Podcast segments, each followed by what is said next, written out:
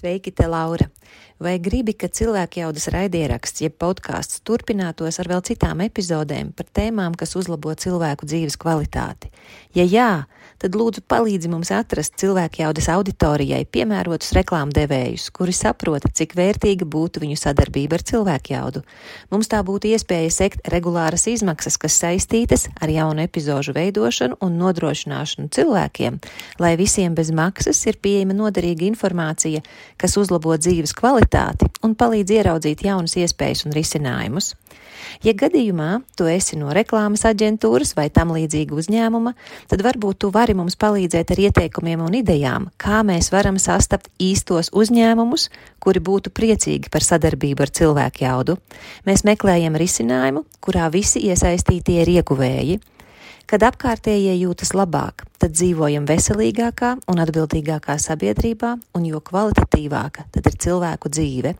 Ja tev ir praktiski risinājumi par to, ko tikko izstāstīju, mēs priecāsimies par tavu ziņu uz info at cilvēkjauda.lv ar informāciju, kā vari mums palīdzēt turpināt šo darbu par to, ko tikko lūdzu. Vienmēr ir labāk kā, nu, atvērt acis, ja nevis kā ielikt galvu smiltīs un nezināt, kas notiek. Labāk mēs zinām, un tad mēs zinām, vai nu kā jāvingro, vai nu kā jāskrien cik ātri, vai nu kā riteni jābrauc. Ja? Nu, tās tās lietas, kuras labāk ir ar atklātu skatu skatīties. Jo ir cilvēki, kuriem sāk patikt pēc mēneša, ir kam sāk patikt pēc diviem mēnešiem, ir kam sāk patikt pēc četriem mēnešiem. Tā kā viņš sāk sajust, ka viņš jau var mēģināt savākties un nenogāzties. Tas īstenībā ir citreiz cilvēki, kad viņi ir nokrituši, viņi saka, ah, es jau varēju. Nu, kāpēc tu necenties, lai tu nenokristu? Ja? Ir daudz jaunu cilvēku. Skrien pa dzīvi, darās, aktīvi darbojās, sporto, nesporto, nu ļoti dažādi. Ja? Un tad ir daudz vecu cilvēku, kur lieto daudz zāles, kuriem ir daudz dažādas diagnozes, slimības, traumas bijušas un tā tālāk. Kā tie jaunie nonāk līdz tiem, kuriem ir daudz zāles un diagnozes? Mērķus mēs varam pielāgot tam, lai ļautu organismam adaptēties un ilgtermiņā pamācītos, kā to darīt. Un šī sadarbība bieži vien ir tā, ka cilvēkiem strādā ķermenis pēc visu vai neko principa. Bet tas visu nozīmē, ka vēl būs pārslodzes. Jāmāk tā sadalīt tās slodzes. Nu, jā, un tie vingrinājumi mums palīdz. Tā ir kustība atmiņa, kas ir ļoti svarīga. Cilvēks man liekas, ka labāk ka viņš draudzējās ar sevi. Ir jāatrod tas iekšējais uh, spēks, ar sevi darboties. Nu, absolūti daudz zinātniskie pētījumi, kur pierāda, ka tie bērni, kas sporto, viņi māca labāk organizēt laiku. Viņi paspēja gan mācības, gan gan sportu, ir stresa noturīgāk. Nu, tur tik daudz, daudz, daudz tā labuma ir. Cilvēks, darot fizisku aktivitāti, dara labu savam ķermenim. Tieši viņš pats dara sev labu. Un domājot arī tādā ilgtermiņā uz priekšu, tas nav ne, ne bērniem, ne mammai, ne nu, nevienam citam. Viņš dara laiku velta sev, savam ķermenim. Tas man liekas, ir tāda. Es saku, saruna ar sevi, bet tā ir tā kā darbība ar sevi. Šodien cilvēku jaudas saruna man ir ar sporta ārsti Sandru Rozenštoku. Eh, es viņu grasos izjautāt par visu, ko mēs, arī cilvēki parastie, kas neuzskatām sevi par sportotājiem, varam darīt savā labā, lai ilgāk dzīvojam kvalitatīvu dzīvi, un nevis tikai kaut kad uz priekšu, bet arī lai tagad mūsu dzīve ir kvalitatīvāka. Ah, es šo ievadu ierakstu tagad, kad saruna jau ir beigusies, tāpēc varu tevi pabrīdināt, ka būs brīži, kur sākās lietus, sākās negaiss, un mēs esam tādā telpā, kur tas ir ir dzirdams, uz kādu laiku vienkārši ir jāpiecieš. Mēs vēl domājām, vai mēs pārtraucam, vai mēs filmējam vēlāk, bet nu, situācija ir tāda, es ceru, ka saturs tev noderēs uh, tik un tā, un pēc laika jau tas lietas arī rimsies. Kāpēc es Sandru aicināju uz sarunu? Jo nu, tik jaudīgiem cilvēkiem, kāda ir mūsu auditorijā, bieži vien ir vēlēšanās kaut ko vairāk darīt savā labā saistībā ar sportu. Uh, arī es esmu viens no tādiem cilvēkiem. Un tad reizēm ir tāds brīdis, kur cilvēks nu, riskē nodarīt sev pāri, jeb arī tieši otrādi pietiekami neizmanto savas iespējas, kas viņam varētu būt. Bet, Sandra, pirms mēs sāksim par to runāt, vai tu vari pastāstīt, kā tu izlēmi kļūt par sporta ārstu? Mm, jā, tas ir jā, interesants jautājums. Šo īstenībā lēmumu es pieņēmu vidusskolā. Mums tad bija jāizvēlās jau priekšmeti. Uh, bet īstenībā medicīnu es izvēlējos, tāpēc, ka man draudzene izvēlējās. Un tad es sāku domāt, ko es medicīnā varētu darīt, kas būtu vairāk man tuvāks, jo es visu laiku arī sportoju. Un uh, sporta medicīna man ritīgi uzrunāja, jo mani vecāki abi ir uh, PSRS čempioni, tā es varētu teikt. Māma dziļūdens peldēšanā un teica velo turismā, tāda mazliet ne, ne tik bieži sporta veidi. Bet uh, tā visa bērnība, sporta vidē, un tais salidojumos un visādos braucienos, izbraucienos, tepat pa Latviju pavadītas praktiski lielākā daļa nedēļas nogalē. Tas vienkārši ievelk tik ļoti tajā kustībā, kad uh, tas kļūst par tādu vienu daļu, kas ir vajadzīga. Bet mācoties par ārstu, es sapratu, ka uh, slimnīcā būt man tā izolētā sajūta nomāca. Man reāli traucēja, ka es nezinu, kas notiek ārā. Tā burtiski es tā to uztvēru, arī strādājot, nejot praksēs. Tāpēc uh, es izvēlējos specialitāti, kurā es esmu kustībā. Es esmu, tas mans mērķis ir palīdzēt cilvēkiem sasniegt viņu mērķus. Ja, līdz ar to es esmu to tā sevi realizējis, gan strādājot ar parasportistiem, jo tas, tas nes līdzi arī dažādas emocijas citreiz. Bet, ja es palīdzu viņam sasniegt, ko viņi grib, tad tas uzreiz arī ceļ mani. Tā.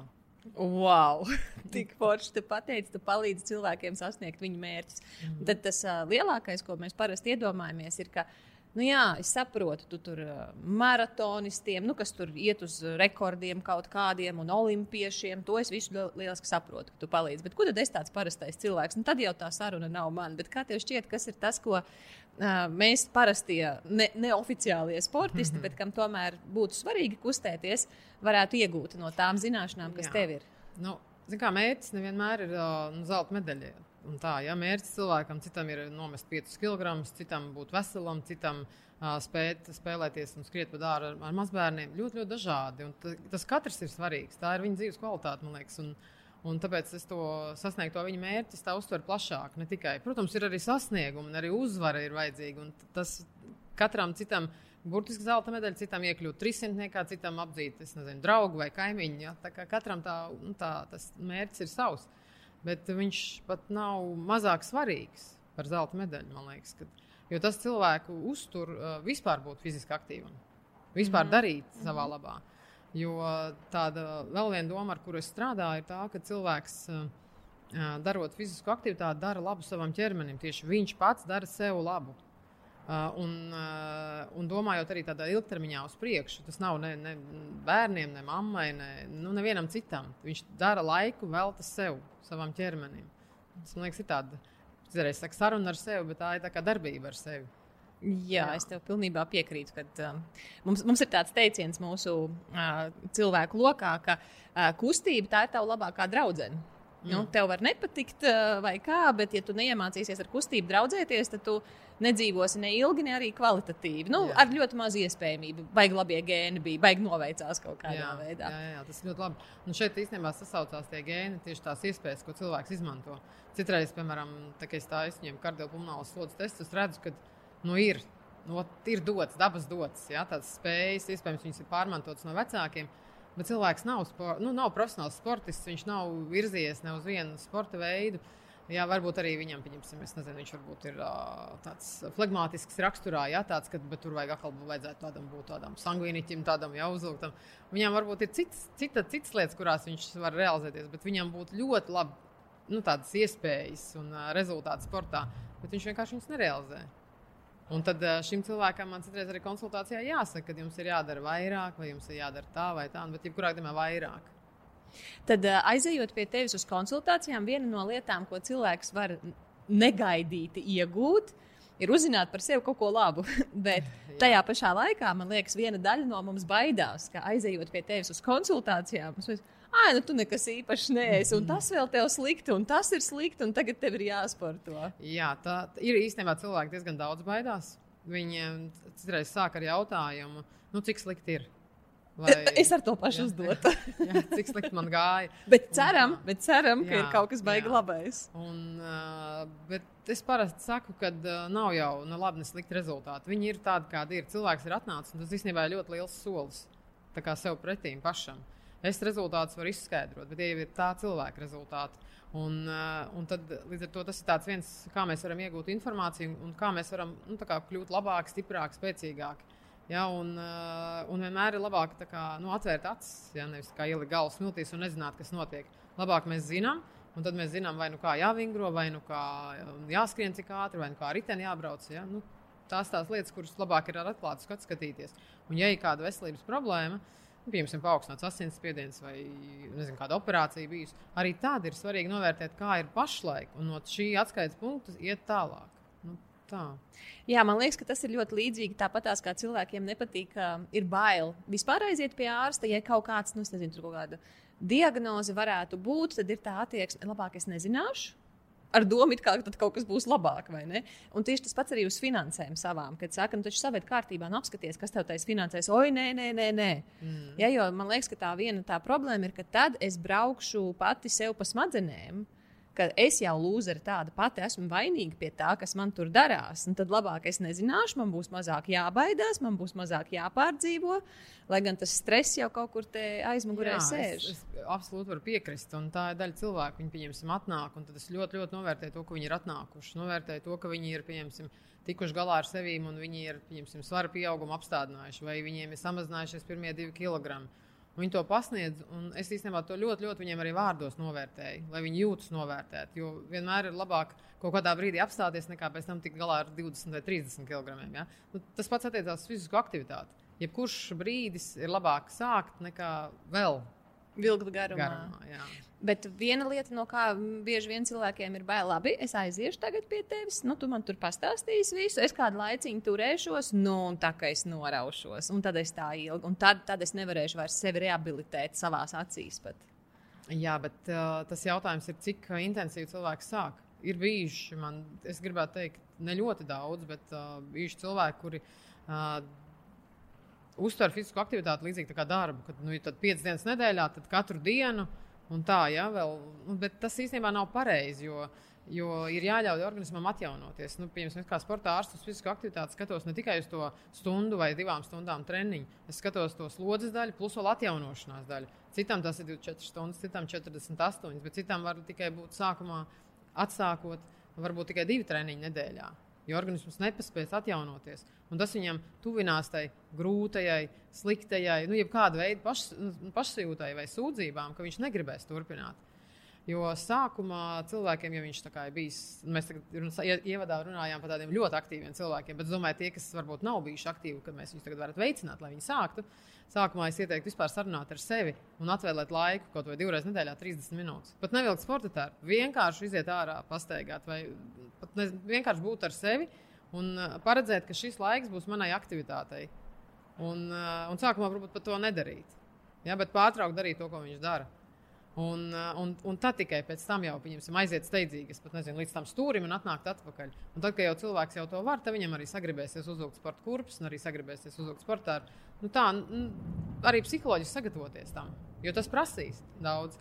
Jo ir cilvēki, kuriem uh, sāk patikt pēc mēneša, ir kam sāk patikt pēc diviem mēnešiem, ir kam, kas, kam sāk patikt pēc četriem mēnešiem. Mm -hmm. Tā kā viņš sāk sajust, ka viņš jau var. Bet man liekas, ka nevienmēr ir, ir situācijas, citreiz tas vairāk ir tādā rehabilitācijas periodā, kad senāk cilvēki iedrošināt un viņi kā viņi palaust. Tu vari vairāk, nu, darām kopā, nu, aiziet, darām. Ja? Bet tad es esmu blakus un viņi iedrošina. Tad viņš ir gatavs. Bet atsākot aktivitāti, ja nav veselības problēma, tur var īstenībā var dot laiku. Var dot mm -hmm. laiku sagatavoties. Bet tagad es īsti nesaprotu. Man liekas, ka pie tevis cilvēki aiziet nu, uz tādu vienu lielu ģenerālo pārbaudi. Mm -hmm nezinu, reizes gadā. Es nesen runāju ar savu treneri. Viņš man teica, jā, jā, es esmu bijis reizes gadā, mums tas mhm. obligāti bija jādara. Nu, tad viņš teica, sajutīs asins garš mutē. Viņš man mhm. piesolīja par tavām pārbaudēm, kā būs. Es sajutīšu asins garš mutē. Nu, tas tik ļoti centīsies. Es ļoti centīšos.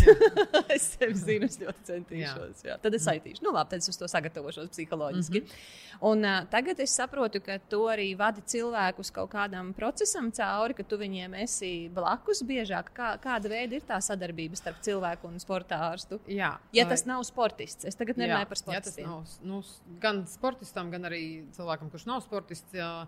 Citreiz ievadā, ja viņš atsāk vai sāk vispār aktivitāti, viņš to nav darījis nekad agrāk tā organizēti. Tad sākumā ir tā, ka mums ir tā iespēja būt blakus viņam reāli treniņos. Viņš nāk, viņam rāda, kas viņam jādara, viņam liek sajust savu ķermeni, viņam labot šo kustību, ja, lai viņa būtu pareiza. Un, uh, tas īstenībā ir tas, kas to cilvēku nu, iemācās saprast sevi. Saprast sevi, ja pieņemsim, es stāvu taisni. Ļoti daudz cilvēku viņam pasaka, nostājies, kā tev ir ērti, vai kā tu parasti stāvi. Viņi nenostājās taisni. Jā. Ja? Vai nu tur ir apaļmugure, vai nu ir asimetriski stāvi un tā tālāk. Un, uh, ja tu viņu nu, saliec taisni, viņš saka, man ir nērti. Mm -hmm. Bet vajag pamazām radīt to, lai viņš atpazīst, kad ir taisni un kad nē, nu, kaut vai tā pastāju. Un līdzīgi arī ar aktivitāti, ja pieņemsim, cilvēks, uh, pieņemsim, viņš sadomājas, skriet, mēs varam arī iemācīt viņam iesildīties, iemācīt viņam vingrojumus, kādi ir šie soļu vingrinājumi, iesildīšanās vingrinājumi, lai viņš zinātu, ko darīt. Un tas īstenībā viņam rada pārliecību. Un tāpēc citreiz ir uh, būtiski cilvēkiem padomāt, ko viņi ir darījuši. Un, ko viņi Mhm. darījuši bērnībā? Kādas mm Mhm. -hmm. sporta veidi? Mhm. Tad viņi vismaz zinās, kas jāvelk mugurā, zinās jau kaut ko par aktivitāti. Un tas viņiem uzreiz paver ceļu Jā. būt aktīviem. Tu pati teici, te ir um, ģimenes sportisti, mamma mm. -hmm. dziļūdens peldētāja. Mhm. Ja? Kas tas ir dziļūdens Tas ir peldētājs? tagad jā, jāiztur elpu un slīd zem ūdens, cik ilgi var. var uh, Un kāpēc to sauc par dziļūdens? Uh, nu, tāpēc, ka tas notiek uh, dažādās ūdens tilpnēs, uh, kas arī uh, ne tikai tā, bet arī tie, kas peld uh, tur, kur ir uh, ezeri, okeāni un tādas, nu, kur ir dziļš, ne jau basēnā, Mhm. mm -hmm. basēnā jau mēs zinām, cik ir dziļš 5-6 metri. Jā. Jā, bet tur, kur ir dziļās ūdens tilpnes. Un mamma ar to nodarbojās vēl pirms tu piedzimi. Ah, jā, droši vien. jā. Nu, un tad uh, viņai dziļūdens peldēšana, tur laikam labas plaušas vajadzīgas, Jā, tādas jā, ietilpīgas ir. Jā. Tev var tagad ir tādas ietilpīgas plaušas, kas no mammas pār. Plaušas man ir vidēji cilvēkiem, bet man ir šaura elpceļa, tāpēc līdz ar to es nevaru tādas lietas darīt. Ā, pat šauri elpceļi. Un Jā. tu arī tas ir kaut kas, ko sportārs nosaka par elpceļiem. Uh, jā, alpu testos, kur vajag tā uzreiz spēcīgi un daudz visu testus taisīt, tur es noteikti knapi, man liekas, pat nesasniedzu vidējo cilvēku. Mm -hmm. Bet man citas kvalitātes. Jā, un kas ir tavi sporti? uh, nu, tagad, kad es dejoju tautas dejas, Tagad, tautas ja? dejas ansamblī līgo, jā, Jā. Jāņa par viņu. Bet uh, agrāk es spēlēju basketbolu. Aha. Jā. Tāda, nu, kā man ir sanācis tādā manā darba dzīvē, tā, kad man ar komandām, kuras esmu braukusi, uh, man ir tikai bronzas un, uh, un sudraba medaļas, bet zelta medaļa tikai manējā. Kā tas var būt? Nu, tad, kad es pats sportoju, tad man ir jā, iegūta zelta medaļa. Bērnībā, basketbolā, oranžajā bumbā, bet, bet ar komandām mums kaut kā nav sanācis kopā līdz zeltam tikt. Mhm. Un tu basketbolu tagad nespēlē, tagad tu dejo Jā. tieši. Ja? Man ļoti patīk, ka es tev prasīju, kāda ir tava sporta, un tu saki, tautas dejas. Jo es domāju, ļoti maz cilvēku pateiks, ka tautas deja ir sporta veids. Uh, nu, dejošana ir fiziska aktivitāte, nešaubīgi, un uh, ņemot vērā to slodzi, kas tur ir, uh, un arī uh, tā vairāk ir līdzīga kā sporta spēlēm. Nu, tā kā intervāls slodzi, daru, nedaru, daru, nedaru. Tāda mm -hmm. ja, nav tā kā pieņemsim maratons, kur visu laiku vienu tempu uztur. Bet tā nešaubīgi ir aktivitāte. Jā. Mhm. Es tev drīz arī jautāšu par nu, tādām jaunākajām tendencēm, kas Mhm. attiecās uz sporta medicīnu, kas noder parastiem mirstīgajiem, jā. nevis sportistiem.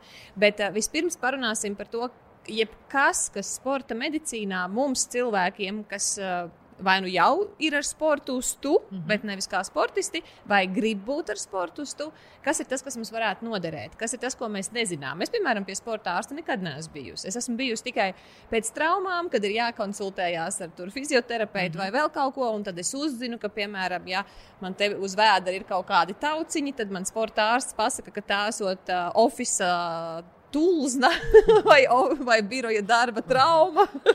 vai ka ti- tikai tik man ir zināšana no Jā. sporta medicīnas. Jā. Nu, uh, cilvēki skatoties, ar kādu mērķi viņi atnāk. Ja, jo tas uh, laiks vienkārši tā, ka citreiz sanāk, ka ir pārāk daudz. Ir, uh, gan mēs uztaisām, pārbaudām sirdi, gan elpošanas sistēmu, fizisko sagatavotību. Ja vēl jānovērtē stāju, un ja vēl cilvēkam kaut kādas sekas pēc kādas traumas, sanāk, baigi, baigi daudz vienā reizē. Un tad parasti es sadalu, jo tāpēc, ka cilvēks nevar tik daudz informācijas par sevi saņemt, izvērtēt, uztvert. Nu, tas vienkārši ir arī nu, neliederīgs laiks, jo mēs vienalga pēc tam runāsim vēlreiz. Mm -hmm. Un, tāpēc uh, viens ir tā kā sirds un elpošana un fiziskā sagatavotība. Tā ir viena. Uh, sar- saruna pareizi, un otrs ir tāda rehabilitācija, uh, vingrošana, traumas sekas. Jo atšķirībā, piemēram, ja kaut kas cilvēkam gadās, vai arī ja viņam tur bija mugursāpe vai sprādzes savilkti, sporta medicīnā vai sporta ārsta pieeja ir mazliet savādāk. Jo mēs esam pieraduši, ka mums šie cilvēki ir jāatgriež pēc iespējas ātrāk aktivitātē. Ja, nu, ja cilvēkam ir sportistam trauma, tad veselam viņam jābūt bija vakar. Jā, Ja, ja jā. trauma šodien. Ja? Nu, tā ir treneru uzskats. Ja? Līdz ar to mēs ļoti ātri sākam mobilizēt, tas nozīmē kustināt. Vingrojums. Ja pieņemsim, ir priekšā operācija, mēs vingrojam līdz operācijai. Jo svarīgi, lai ne- nesamazinās muskuļu masa. Līdz ar to, lai pēc tam varētu ātri atgriezties. Un tas viss ļoti, ļoti labi, īstenībā pat fantastiski noder arī cilvēkiem, kuri nav sportisti. Jā, bet viņiem sanāk tā, ka mēs strādājam diezgan cieši, lai būtu šis uzticības moments, lai viņš ļautos. Mm -hmm. Ja? Nu tā. Jo bērniem arī citreiz ar bērniem sanāk, ka man viena meitenīte, kurai uh, bija potīts lūzums, viņai noņemts ģips, un tagad kā iesākt staigāt. Jā. Bērns visu laiku paļaujas uz kruķiem un neliek to kāju pie zemes. Nu, burtiski nu, viņi bija tik maziņi, ka es viņu varēju, es viņu aiz padusēm, un, un tad mēs dabonam to kāju. Un tad visādas interesantos vingrinājumus domā visādi, kā, lai viņai novērstu uzmanību uz vienu, bet īstenībā tu panāc citu. Nu tā, un kamēr beigās bērns jau var iet un skriet un darboties. Nu tā.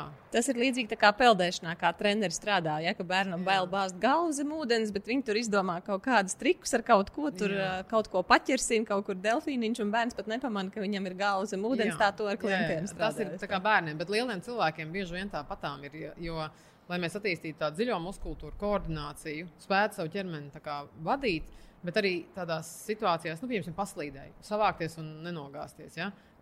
Mēģināt savākties un nenogāzties. Tas īstenībā ir citreiz cilvēki, kad viņi ir nokrituši, viņi saka, ah, es jau varēju. Nu, kāpēc tu necenties, lai tu nenokristu? Ja? Mm -hmm. Tad mhm. īstenībā tā nepadošanās tā ir jābūt nu, ikvienam cilvēkam. Ja? Tā kā censties sevi savākt līdz pēdējiem brīdim. Un, uh, un, un tad tu viņam iemāci novēršot uzmanību. Nu, Piemēram, kaut vai tu ingro sākumā pret spoguli, viņš skatās uz sevi un priecīgs, re, kā man sanāk, un tad atgriezt prom no spoguļa. Jā. Vai aiztaisīt viņam acis, ja kaut kādā, nu, protams, drošā vidē un tā.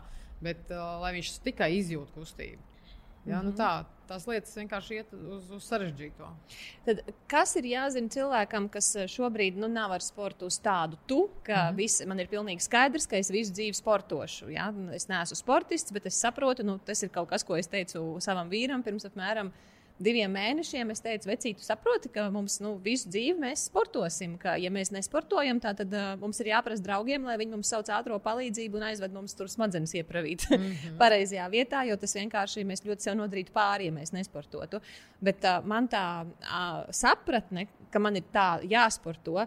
Nu, viņa nāca reizē ar vienu no cilvēku jaudas intervijām, kurā ergoterapeits Rudolfs Šeiko viņš mm -hmm. sacīja, ka viņa šī muskuļu masa samazinās, ja muskuļu spēks, laikam, cilvēka spēks nu, gan, samazinās. Ja? Gan, gan. Tu vari pastāstīt par šo vairāk. Jo tas tiešām man tas bija tāds, ka es skatos uz tiem vecajiem cilvēkiem, ko es uz ielas redzu, un es tiešām esmu tāds nu, nezinu, izmantotāja, ka es redzu vecu cilvēku, es tiešām viņu izmantoju kā iedvesmu sev lielākoties, kāda es negribu būt. Mm. Un es tiešām sevi baidu, es redzu viņus ar tiem krāģīšiem. Es priecājos, ka cilvēkiem ir krāģīši. Tas ir daudz labāk nekā mana vecmāmiņa, kad vēl bija dzīva. Viņai mamma bija sagādājusi krāģīt, lai viņa kaut kur varētu iet, bet viņa taču negāja, kur cilvēks skatīsies. Ja? Tad viņa sēdēja vēl vairāk un kļuva, kļuva vēl sliktāk. Es priecājos, ka ir, bet nu, es tā kā sev saku, nu, ja būs lēmts, tad būs lēmts, bet nu, es izdarīšu visu, lai es tajā vecumā vēl varu. Nu, uz savām jā, kājām staigāt. Bet man bez tās, es nezinu, toreiz, kad Rudolfs to kaut kā nu, tā pateica, ka man pieleca. Tas, ko es gribētu no tevis šobrīd, ir.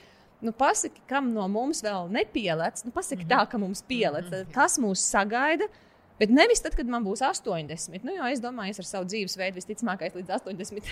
nezinu, vai es nodzīvošu, jo tā, teiksim, tā ir dzīves labvēlība. Ja, ja, būs, ja, ja būs vēl papildu iespēja, ja es tur kaut kādā negadījumā netrāpīšu vai vēl kaut ko.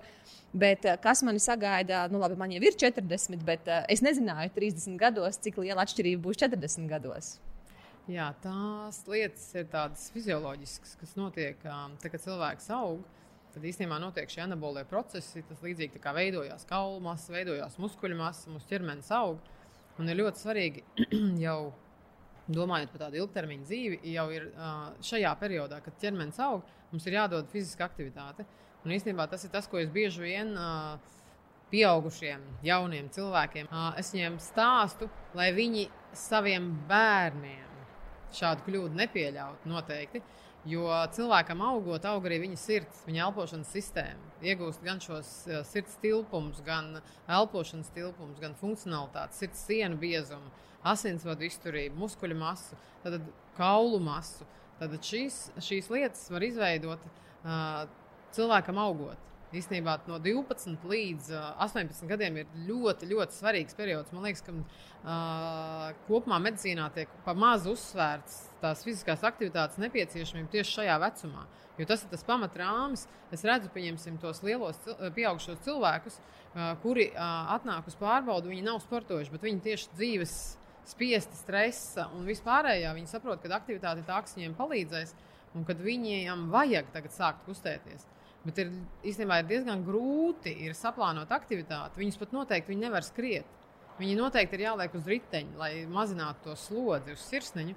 Un tad, ja viņiem ir pacietība, tad tie var panākt tādu, bet viņi nekad nesasniegs tos uh, cilvēkus, kas ir sportojuši un pēc tam kaut vai desmit gadus bijuši pasīvi. Ja?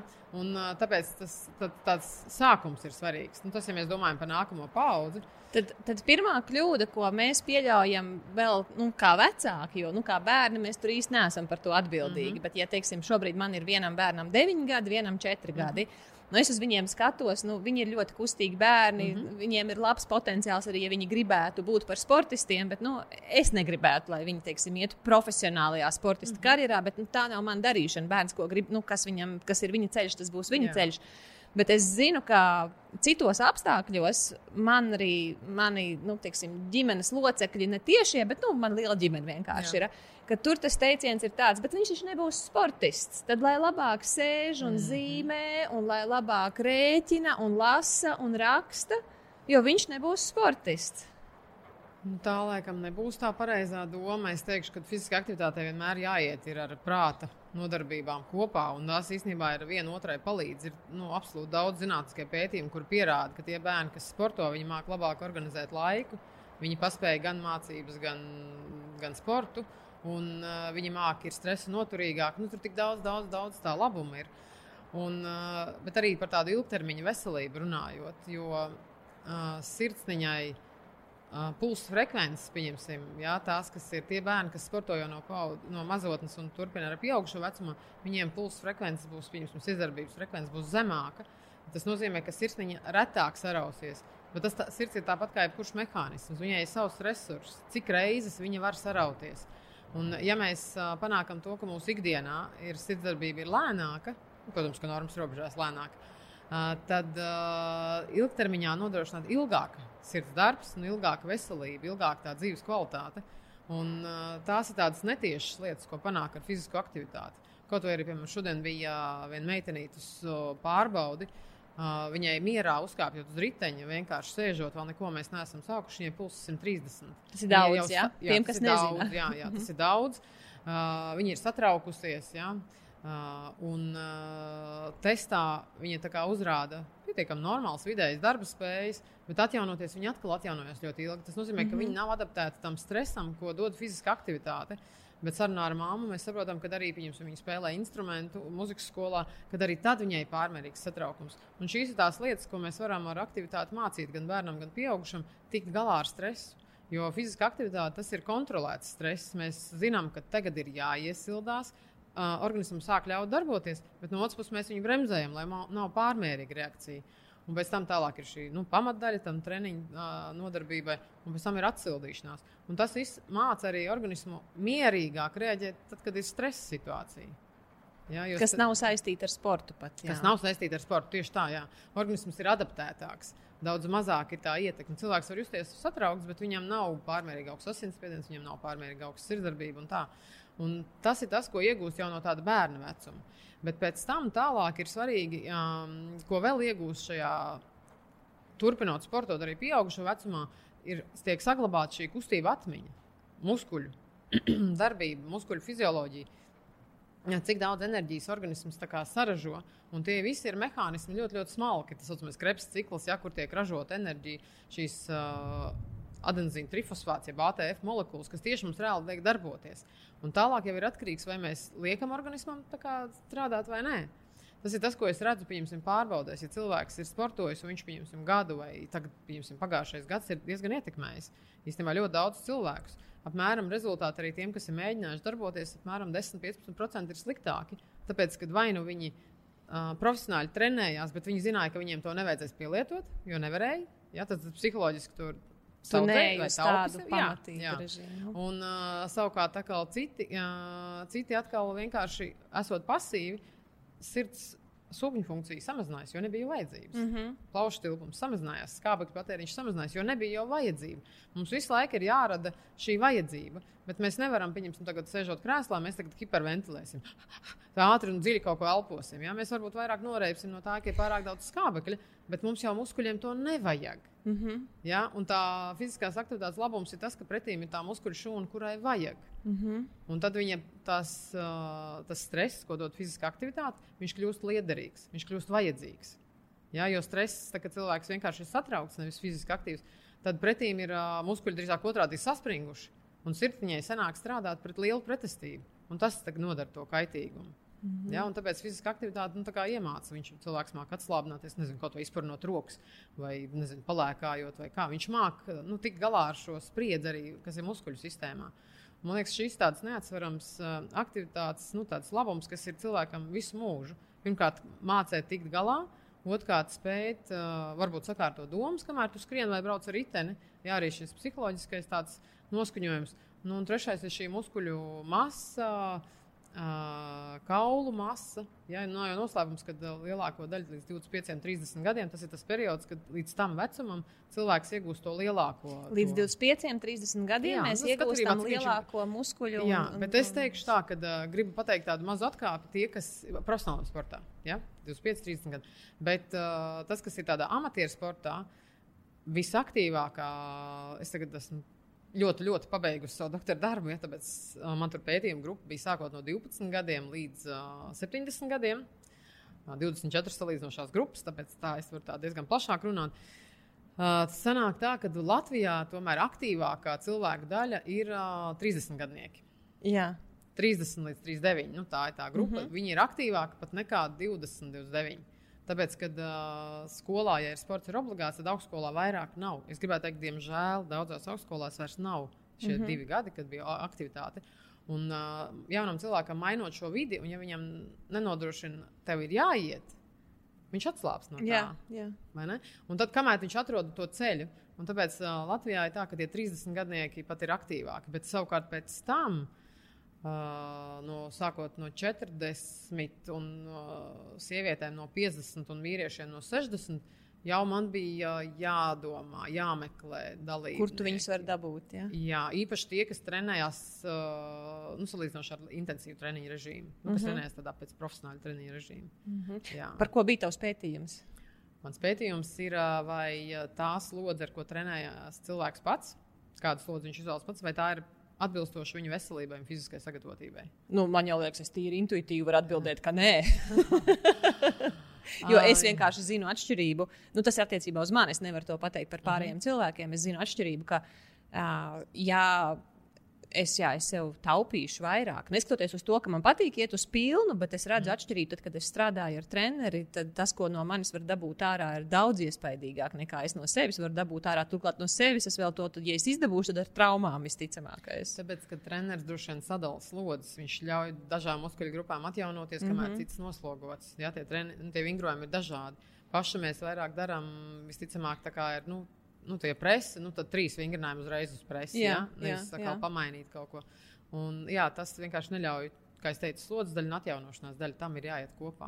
Nu, es tādā gadījumā paredzu, ka tev būs varbūt izmaiņas, var jau būt, ka es kļūdīšos, bet tie tagad tie 30 gadnieki, kas cītīgi sportos, nu viņi pēc laika būs 40 gadnieki. Ka iespējams, ka tā vecuma grupa pamazām mainīsies. Jautājums ir, cik tie jaunie sāks sportot. Es ceru, es ļoti ceru, jo kā, katrā profesijā ir savs tāds pārdomu brīži. Un manā profesijā man liekas, kaut kāds gads, nezinu, cik kāds astoņus apakaļ. Es tā baigi domāju.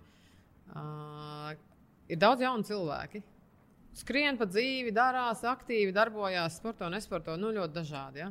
Un tad ir daudz vecu cilvēku, kur lieto daudz zāles, kuriem ir daudz dažādas diagnozes, slimības un traumas bijušas un tā tālāk. Kā tie jaunie nonāk līdz tiem, kuriem ir daudz zāles un diagnozes? Un uh, tad vēl viens mērķis, ko es tādā savā nu, profesionālā darbā esmu uzlikusi, ka mēs ļoti daudz lietas varam pa ceļam noķert, uzķert. Un citreiz man jāsaka, pat uh, nav tā, ka es varu parādīt ar pirkstu rezultātus, redzat, reku ir. Bet es intuitīvi jūtu, ka tas rezultāts pret to, un tas pret to, un tas vēl tas, ka tas mūs ved. Un, uh, un, un citreiz man ir jāsaka vairāk tāds, ņemot vērā manu pieredzi, es domāju, ka mums jādara tā, lai nebūtu nu, tālāk tā attīstība tai slimībai vai tā. Un, uh, Un tā, man liekas, ir tāda, tāda vērtība no tā, ka tu strādājot, iegūst pieredzi no tā, ka tur ir dažāds cilvēks. Es ļoti, ļoti to novērtēju. Kad ir gan sportisti, gan nē, jo, kā jau teicu, vienam otrs nu, noder. Ja, un šīs arī citas valsts, īstenībā, ja mēs runājam par Lielbritāniju, viņi 2005. gadā mainīja pat specialitātes nosaukumu. Viņiem e, ir uh, sportārs, Uh, bet tagad viņiem saucās sporta un slodzes ārsts. Mm -hmm. Sporta ārsts strādā profesionāli sportistiem, slodzes ārsts strādā ar. Tā kā es. Jā, tādiem cilvēkiem. cilvēkiem, Jā, kādiem cilvēki, kas nav sportisti. Jā. Tad mēs ar tevi runājām par bērniem. Kāpēc bērniem ir ļoti būtiski to tā, mm -hmm. sportot? Man milzīgi prieks par to, ko tu pateici, kā tas attīsta uh, sirds asinsvadu sistēmu, kā tas attīsta plaušas elpošanu. Tu man iedevi tādu vēl lielāku motivāciju rūpēties, lai mani bērni regulāri ir izsportojušies. Mm -hmm. Nenozīmē, ka es viņus tagad dzīšu uz stadionu. Es saprotu, ka viņi var vienkārši tur bizot, spēlēt bumbu, braukt vis kaut kur, ja, lai viņiem ir liela slodze. Un, labi, mēs kalnos ejam pārgājienos, tad viņiem sanāk arī liela slodze tādā veidā. Tas ir liels paldies. Tad kas notiek tālāk pēc šī 18 gadu vecuma ar mūsu ķermeni? Jā, pēc 18 gadu vecuma, ja līdz pusauģa vecumā sanāk, kad bērns aug un visu laiku ir jāpielāgojas, jo ķermenis visu laiku mainās, tad pēc 18 gadu vecuma nu, lielākā daļa vismaz ir pārstājuši augt, daļa vēl turpina. Uh, tad pamazām ķermenis iegūst nu, to garumu, kāds viņš būs. Un, tā, un tad jau var mērķiecīgi sākt panākt tādu muskuļu masas pieaugumu. Tādas lietas, kas, kas varbūt augšanas periodā visa enerģija aizgāja augšanai. Mm -hmm. ja, un tad pusauģiem parasti nav raksturīgi tādi izteikti. Ja man draudzene un... Man draudzen viņu sauc par puskaķiem. Nu, tas nav ne kaķēns, ne kaķis. Tas ir kaut kas pa vidu. Viņš diezgan draņķīgi izskatās. Bet ne jau tāpēc, ka viņš būtu. Viņam vienkārši posms tāds ir. Ja? Jā, tas ir jā, tas, jā. tas, tu. tas īstenībā tas sāks tāds nobriešanas periods, jo vispār jau cilvēks jau neaug tādā diagonālā līknē. Ja? Ir, kad sākumā ir garumā, pēc tam masa muskuļu, atkal garumā, atkal muskuļu masa. Nu, tā viss tādā trepītē. Un pieaugšu vecumā arī. Un ļoti svarīgi būtu izmantot to periodu, kad cilvēks var un ka viņš ir uh, vesels, aktīvs, uh, citādā ziņā arī, arī nu, ikdienā aktīvs un tā izmantot arī neaizmirst par sevi. Un Tā, Kā tu to domā? Es tā domāju, atvēlēt laiku savai fiziskajai aktivitātei, kaut ko iesaistot. Es nezinu, kurš tur vecāks iesaistīt, kurš draugus, kurš kā, kurš atrod. Redz, uh, nevienmēr visiem dara viens. Mm -hmm. ja? Es pieņemsim, zinu, ka man sportot vienai īsti nav mans. Es esmu sportojis komandas sporta veidos, tagad arī dejoju kolektīvā. Un tas īstenībā ir tas, kas man uztur. Nu, tā, Man dejošana patīk arī tajā, kad es varu tur nerunāt. A, kur tev, tā. kurā sportā tev ir jārunā? Uh, nē, ne sportā jārunā. Dziļūdens peldēšanā noteikti Nē, nav jārunā. ir jārunā. Ah, tev darbā tā, Jā, tas tev atpūta un, no ā, darba. Jā, un tas man ļauj atjaunoties arī gan emocionāli, psiholoģiski, ne tikai fiziski nodarboties.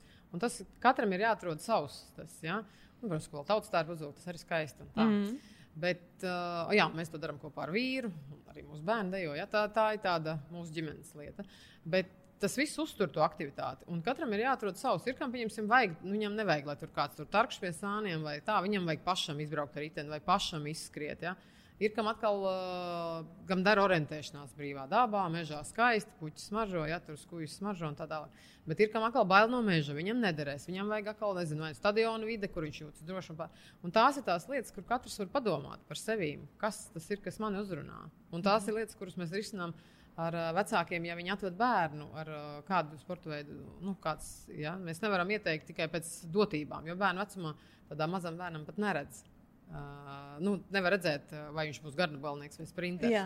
Jā, lielam cilvēkam tās jau izpaužās, bet viņš nevar iet pret sevi ilgstoši. Mm -hmm. Tāpēc vienmēr tā ar sevi draudzējoties, var sarunāt.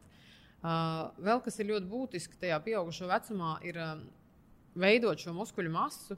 Un uh, uzturēt, ne jau tā, es nedomāju par kultūrismu, tagad es nedomāju mm -hmm. par tādiem platiem Kačakiem. cilvēkiem. Jā, rītīgi platiem, nē, bet vispār uh, veidot, jo tāpēc, ka muskuļi ir tie, kas to enerģiju tērē.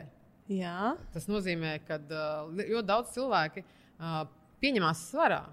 Mm -hmm. Viņiem likās, ka oi, tā jau nebūs, bet re, kā ir. Ja? Un, uh, un, un tā ir tas, ir tas veids, kad uh, taukaudos vielmaiņa ir ļoti lēna. Mm -hmm. Bet muskuļi ir tie, kas tērē. Līdz ar to, tāpēc, muskuļu masa ir viens no veidiem, kā mēs varam uzturēt savu pamatmaiņu. Nu, piemēram, mēs tagad sēžam, runājamies, un mēs jau daudz enerģijas tā kā netērējam. Bet, ja muskuļi ir tonusā no krēsla nos, mēs nekrītam, tonus, tā kā to formu uzturam, un līdz ar to tas jau tērē mūsu enerģiju.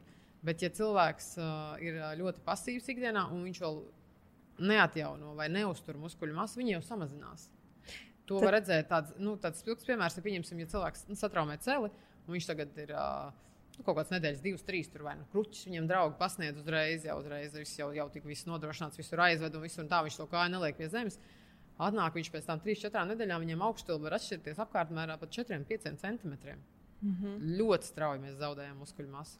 Un tas ir tas, kas ir saistīts ar veciem cilvēkiem. arī. Bet tad sanāk, ka ja nu, es vienkārši uz sevi skatos, es tā kārtīgi trenēties sāku. Nu tā, ne, nedaudz es sāku oktobrī. Nu, es Mhm. vienmēr esmu skrējusi, es esmu uh -huh. vingrojusi kaut ko, bet es neieradu spēka treniņus. Nu, tad tas, ko Rudolf pateica par to spē- spēku zudumu, man tas bija nu, lielākais biedrs, ka es tagad būšu vārga.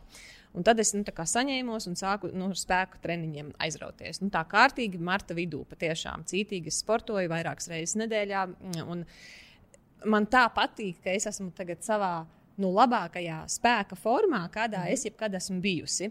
Bet tajā pašā laikā man ir tā, nu, cik daudz es esmu palaidusi garām, un man ir bail, ka man neuznāks tāds, ka, ah, nu, ja jau es nevaru būt tajā superīgajā formā, nu, tad priekš kam? Ja? Tur tāda, nu, labi, es baigi daudz tagad sportošu, bet es te būšu tādā pusdrančīgā formā. Bet tas, ko tu saki, ir, ja man ir, ja kuram cilvēkam ir labāka muskuļu masa, mm -hmm.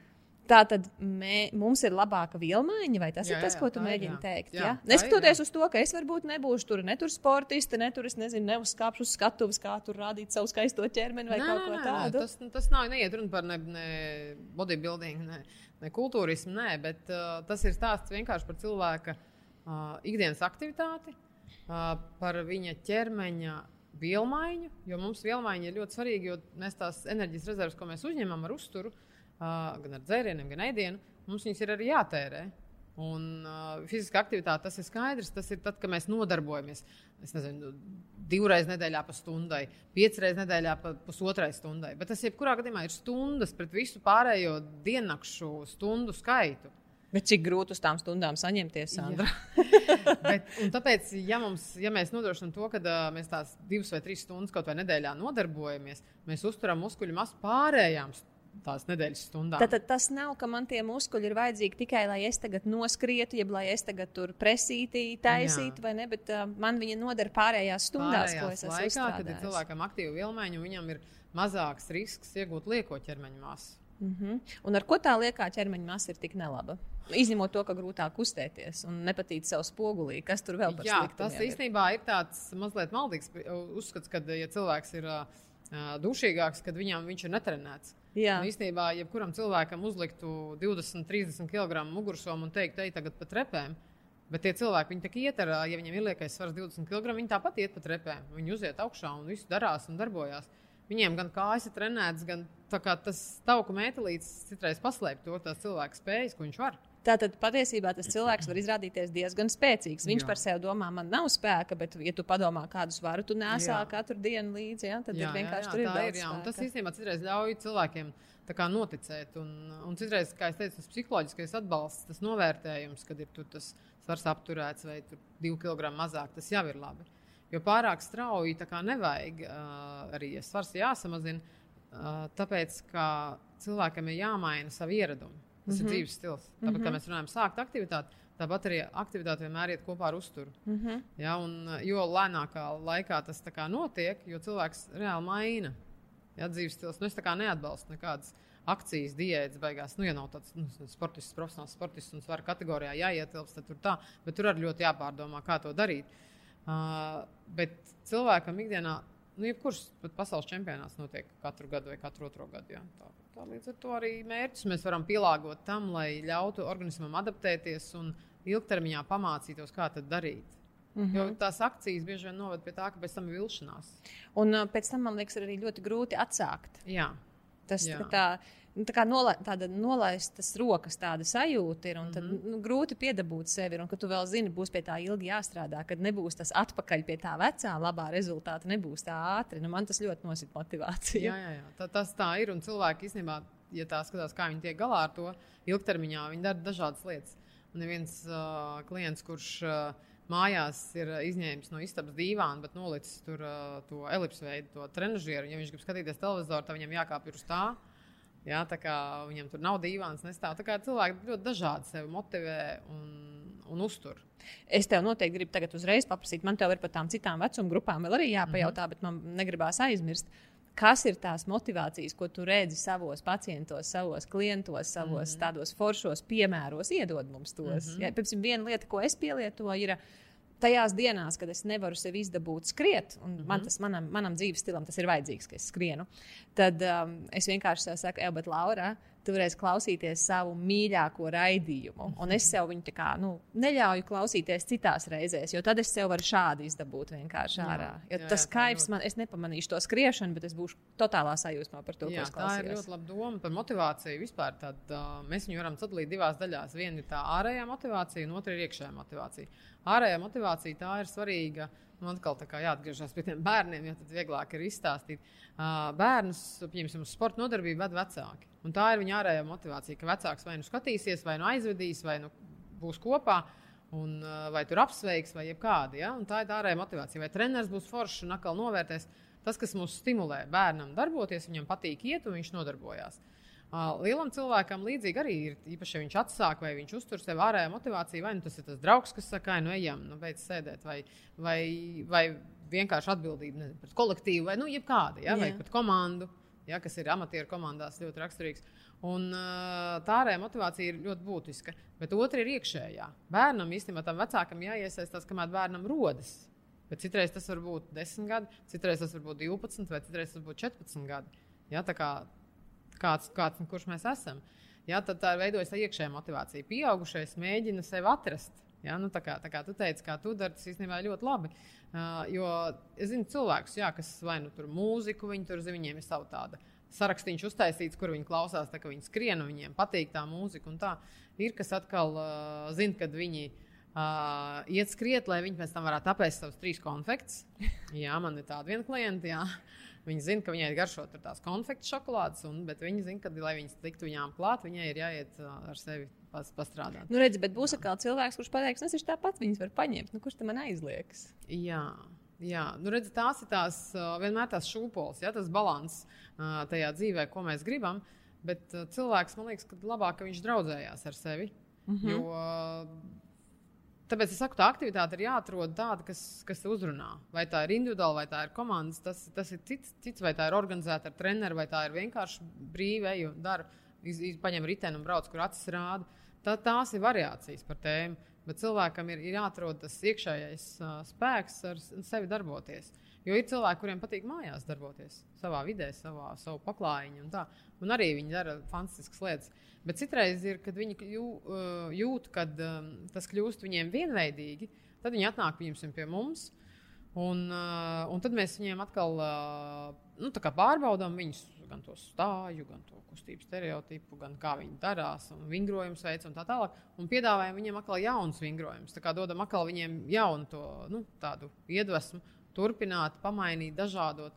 Un tas ir tas, kas uh, cilvēkam uztur. Tāpat arī citiem uztur atkal, ka viņi piedalās sacensībās.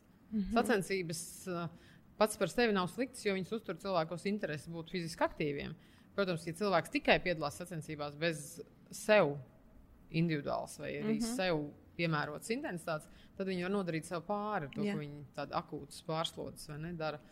Nu, jā, bet cilvēkiem ļoti, ļoti dažādi. Vai nu viņiem ir kaut kādi, ah, jā, man bija viens cilvēks, kurš, pieņemsim, uh, viņš uh, mēģināja sa- samazināt svaru un sportot.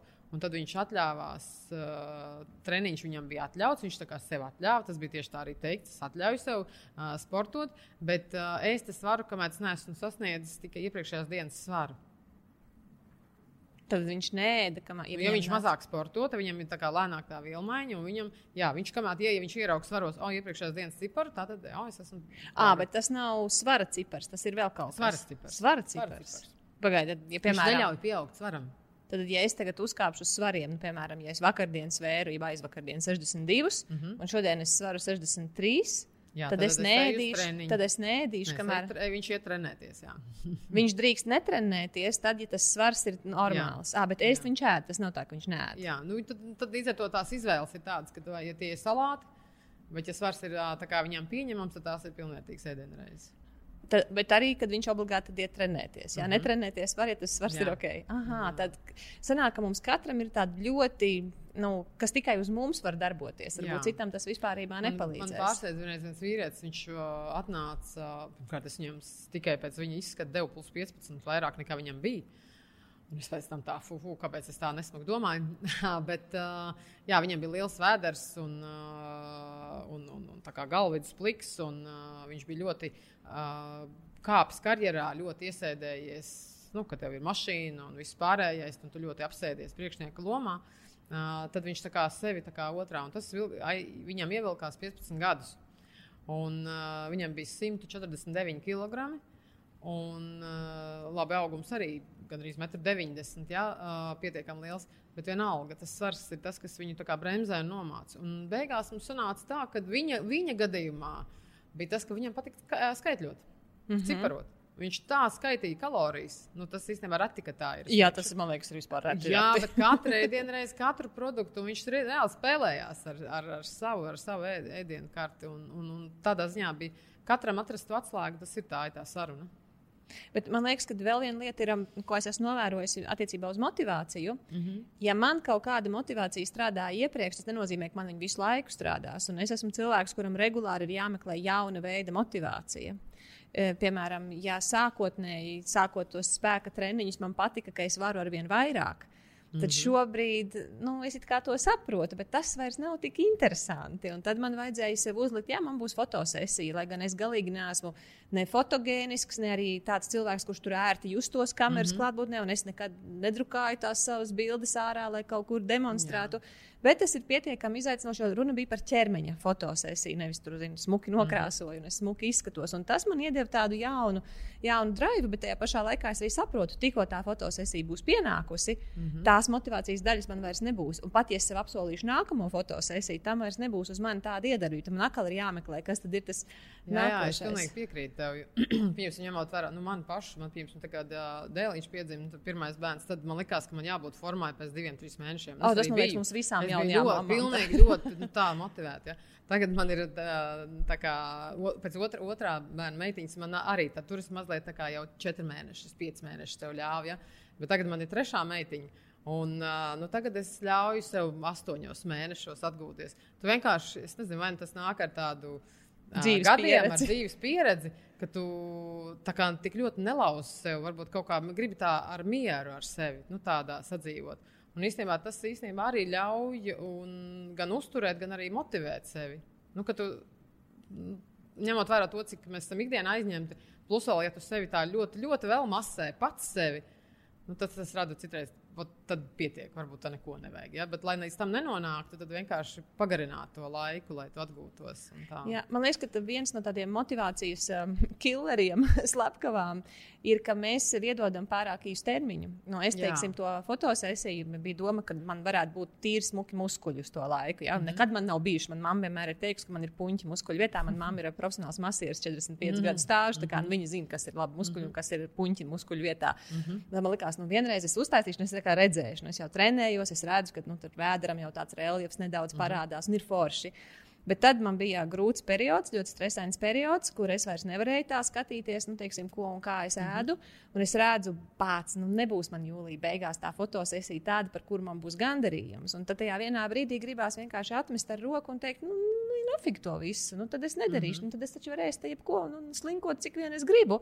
Bet tad es sapratu, man vienkārši ir nereālis, nereālistisks tas uh, termiņš. Man vienkārši jā, viņš ir, jo viņš man uzdeva daudz, ja es nevaru tagad, tad nevajag vispār. Patiesībā man vienkārši vajag pabīdīt tālāk. Ja, varēja, vai otrs variants ir uzlikt starpmērķi. Jā. Cilvēkiem, tad, kad ja viņiem ir nu, 10 kg vai 20 kg jāsamazina, vai arī viņi pieņemsim, grib piedalīties uh, maratonā vai Monblāns skrējienā, ja, kas ir 211 km, vai vēl ir smilšu maratons, 6 dienas pēc kārtas, katru dienu 42 km pāri tūkstnesim. Ja. Nu, ir cilvēki dara fantastiskas lietas. Bet, uh, tāpēc parasti man ir jautājums, kāds ir mērķis? Tas ir viens, ar kādu viņi ir atnākuši, un otrais, kad. Un tad atbilstoši no tā mēs varam sagatavoties. Ja? Un, uh, līdz ar to tas jebkurā, gan, gan tādā sevis uh, fiziskajā ziņā, gan uh, svara ziņā, mums tas īstenībā palīdz tādi mazie starpmērķi. Ja mēs uzliekam, nu, piemēram, līdz tam laikam, Es gribu, piemēram, būt mierā, lai es, pieņemsim, man tur, es nezinu, darētu tur tie, nu, ne, ne tie svārki, kurus man gribētu, lai man viņi dara, bet, nu, pieņemsim tā, lai es būtu mierā, lai es nebūtu tur iespīlēta, lai es varētu mierīgi apsēsties un tā. Ja, nu, kaut, kaut, vai, kaut vai tāda elementāra lieta, ja. Vai tur vīrieši atkal citreiz, ka viņi grib, lai tur tas uh, nevis tā, lai viņi iegūtu sešpaku, jā, tā tad reliefu uz vēdera iegūt, nē, bet lai viņiem, piemēram, vēders no pāri biksēm un tā, kaut kā tādu starpmērķi iegūt. Un tad īstenībā tas īstenībā arī dod tādu, jo vajag to novērtējumu sev. Es taču sasniedzu kaut ko. man liekas, ka tā problēma ir tāda, ka mēs bieži vien nemākam, nu, tā kā mums nav interesi uz tiem starpmērķiem, jo liekas, tas jau nav nekas īpašs. Un otra mm. lieta ir pat, ja tie ir, mēs viņus bieži vien paši neredzam. Es atceros, Jā. ka tad, kad nu, viens no maniem lielajiem mērķiem ir, ka es kādu dienu varētu pievilkties. Nekad dzīvē neesmu varējis pievilkties. Un, sākumā bija tas, kad man treneris vienkārši lika lekt augšā pie tā stieņa un karāties un lēnām laisties lejā. Jā, un tas tāpat kā traģēdija tur laidos lejā. Tad nākošais solis bija, ka man bija jāuzliek divas gumijas, un tad ar tām divām gumijām jāsāk pievilkties. Un tad bija kaut kāds posms, kur es viņam pieņaudēju pilnas ausis, ka man nekas nesanāk, paskaties, man nav nekāda progresa. Nu, tā vis, nav jēga trenēties, kur mm -hmm. šito es nedarīšu vairāk. Mm -hmm. Lai gan pašai joprojām ļoti gribās, bet to lielo mērķi, ka es varu vismaz pievilkties. Viņš teica, nu labi, ņem gumijas un rādi. Man saka, nu, jā, tur jau tā lieta, es ar tām gumijām nekur stiprāk nāc, viss slikti. Un viņš man, es tagad sāku darīt, un viņš saka, nu, bet tur redzi, tu laidies lejā lēnāk. Ja? Mm -hmm. Tu vari tur to un to vairāk. Ja? Tagad tev tajā posmā tev nav tāds kritums, tu tur mm -hmm. kontrolētāk lietas dari. Un tad man bija tā, man ir nu, progress, man ir rezultāti, Jā. un tad man ir liels prieks. Bet atkal, turpinot atkal darīt viena pati kādu laiku uz priekšu, es jau atkal neredzu vairs to jā, progresu. Tad sanāk, ka viena lieta ir, ja mēs izvirzām šos starpmērķus, mm -hmm. bet otra lieta ir, ka mēs varbūt esam diezgan ar draņķīgām spējām viņus izvirzīt paši sev. Un tad ir labi, ka ir tāds cilvēks kā tu, mm -hmm. kurš tā kā. Nu, tā ir īstenībā tā saruna ar cilvēku palīdz mums uzlikt to, nu, to uz ko tad mēs ejam, ko, ko, ko tas cilvēks pats vēlās. Un, un, un tad sadalīt tādiem posmiem. Un tāpēc viņiem arī taisot uh, sportistiem, vai arī cilvēkiem, kas ir fiziski aktīvi, vai arī cilvēkiem, kas kaut ko pārslimojuši. No dažādiem cilvēkiem pārbaudas šo kardiopulmonālo slodzes testu, var salikt kopā sirdi, elpošanu un muskuļus. Un tad pateikt, kura sistēma ir vājākā. Tad, kas mums tagad šajā pirmajā etapā, kurš mums būs tas galvenais mērķis, kuru mēs pacelsim? Jo mēs nevaram pacelt stiprāko sistēmu. Mums jau jāsāk ar vājāko. Mm -hmm. Jo tā vājākā sistēma, ja tā ir elpošanas sistēma, piemēram, cilvēks nemāķi ritmiski elpot, viņam, kā viņš sāk skriet, viņam sāk sāpēt sāns. Mēs jau nevaram, nu, ar sāpošu sāntu nekad ne, nu, neko nevarēs izdarīt. Jā, jā. jā. Nu, jā un, un tās ir tās lietas, kas kā, nu, palīdz viņam nu, šo starpmērķi. Tātad, lai es varētu uzturēt sevī foršu motivāciju, tas, mm -hmm. kas man varētu, man jebkuram citam cilvēkam palīdzēt, ir zināt, kā strādā tās trīs manas sistēmas. Ja? Mm -hmm. Tu teici, sirds, Jā. elpošana un muskuļi. Mm -hmm. muskuļi. Un kā notiek tie testi? Uh, nu, tests notiek tā, ka uh, sākumā, mm, kad cilvēks ir atvēlējis apmēram pusotru stundu sev, uh, sākumā ir saruna par to, kāds, ko viņš dara, kāda viņa ir ikdiena, vai viņš ir sēdošs darbs, vai viņš ir naktas darbs, vai nu, tās lietas, kas ietekmē tādas lielas lietas, adaptāciju vispār un atjaunošanos. Tad tālāk, kāda ir viņa aktivitāte. Vienmēr mums ir jautājums arī par to, kāda ir viņa pieredze pusauģu periodā. Kā jau teicu, tas ir ļoti svarīgs periods. Tas vienmēr ir jautājums. Uh, tad ir šī slimība, trauma un tāds treniņu režīms, kāds ir pašlaik. Sūdzības vai ir arī tāpēc cilvēki nāk. Uh, un uh, tad tālāk tiek veikts tests. Testu var veikt kā, uh, uz trīs rīkiem, vai nu tas ir skrejceļš, vai nu, kurš, kurš sanāk, viņš griežās katru minūti ātrāk un ātrāk. Cilvēks skrien ātrāk, ātrāk, pēc tam viņš vēl skrien pat kalnu, ja viņš tik tālu tiek. Uh, ritenim tā kā sēž sēdekļi un brauc slēdzenā kalnā, bet visu laiku slodzi pieaug. Uh, pēc tam ripo lejā no kalna. Un trešais mums ir roka argumentus, ar ko mēs strādājam ar parasportistiem. Ja, cilvēkiem, kas ir ratiņkrēslos, tad viņi, nu, skatoties pēc viņu spējām, tad viņiem šos testus mēs pielāgojam. Pirmais ir ritenis viņiem, ja nevar riteni, tad ir skrejceļš, un, ja ir, nav, nevar to, tad ir uh, roka argumentus. Un uh, tad cilvēkam tiek likt visi šo sensoru, tad, tad elektrodi, asinsspiediena manžeta, masku uz sejas un uh, skābekļa un tilpuma sensoru elpošanai. Un tad cilvēks dara šo slodzi, un tad monitoros iet visi šie rādītāji. Un, ja ir uh, rādītājos viss atbilst normas robežām vai pieļaujamām uh, robežām, tad cilvēks dara tik tālu, cik viņš pats var. Mm -hmm. Jā, tālāk viņš tiek motivēts, vai vēl vienu minūti, vai, vai varbūt tomēr vēl vienu minūti. tā, apmēram tā. Tā kā tu centies notiek. viņu piedabūt. Ja viss ir kārtībā, pāri, tad jā, jā mm -hmm. jo cilvēki bieži vien nu, saudzīgāk izturās nekā viņi varētu. Ja?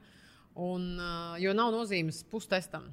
Nē, nu, vienmēr ir nozīme. Es gribēju teikt, bet, ja cilvēks, piemēram, startē sacensībās, un viņš atnāk uz testu un izdara pusīti, es viņam nevaru iedot tādu pilnvērtīgu pateikt, jā, jūs varat, nav riska. Ja? Nu, risks ir viens no svarīgākajām lietām, kas jānovērtē.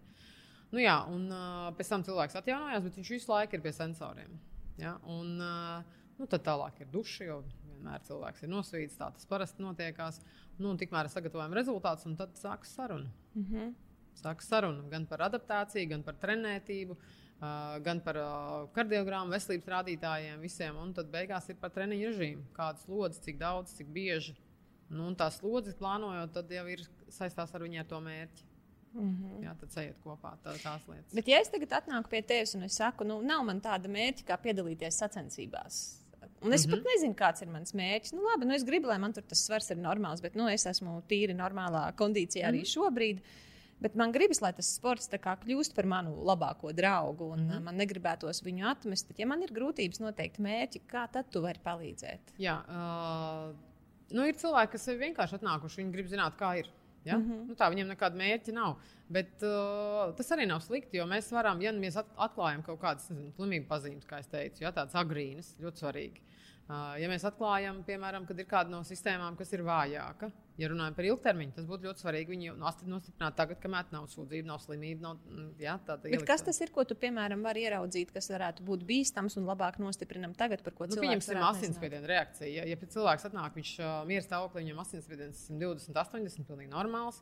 Beidzot, slodzes testā arī pilnīgi normāls, bet slodzes testā viņam ir 250, piemēram, asinsspiediens, hipertoniska reakcija tā saucās. Un tas nozīmē, ka viņiem ir nu, insulta risks mm -hmm. pie kādas stresa situācijas, mm -hmm. pie kādas. Ja?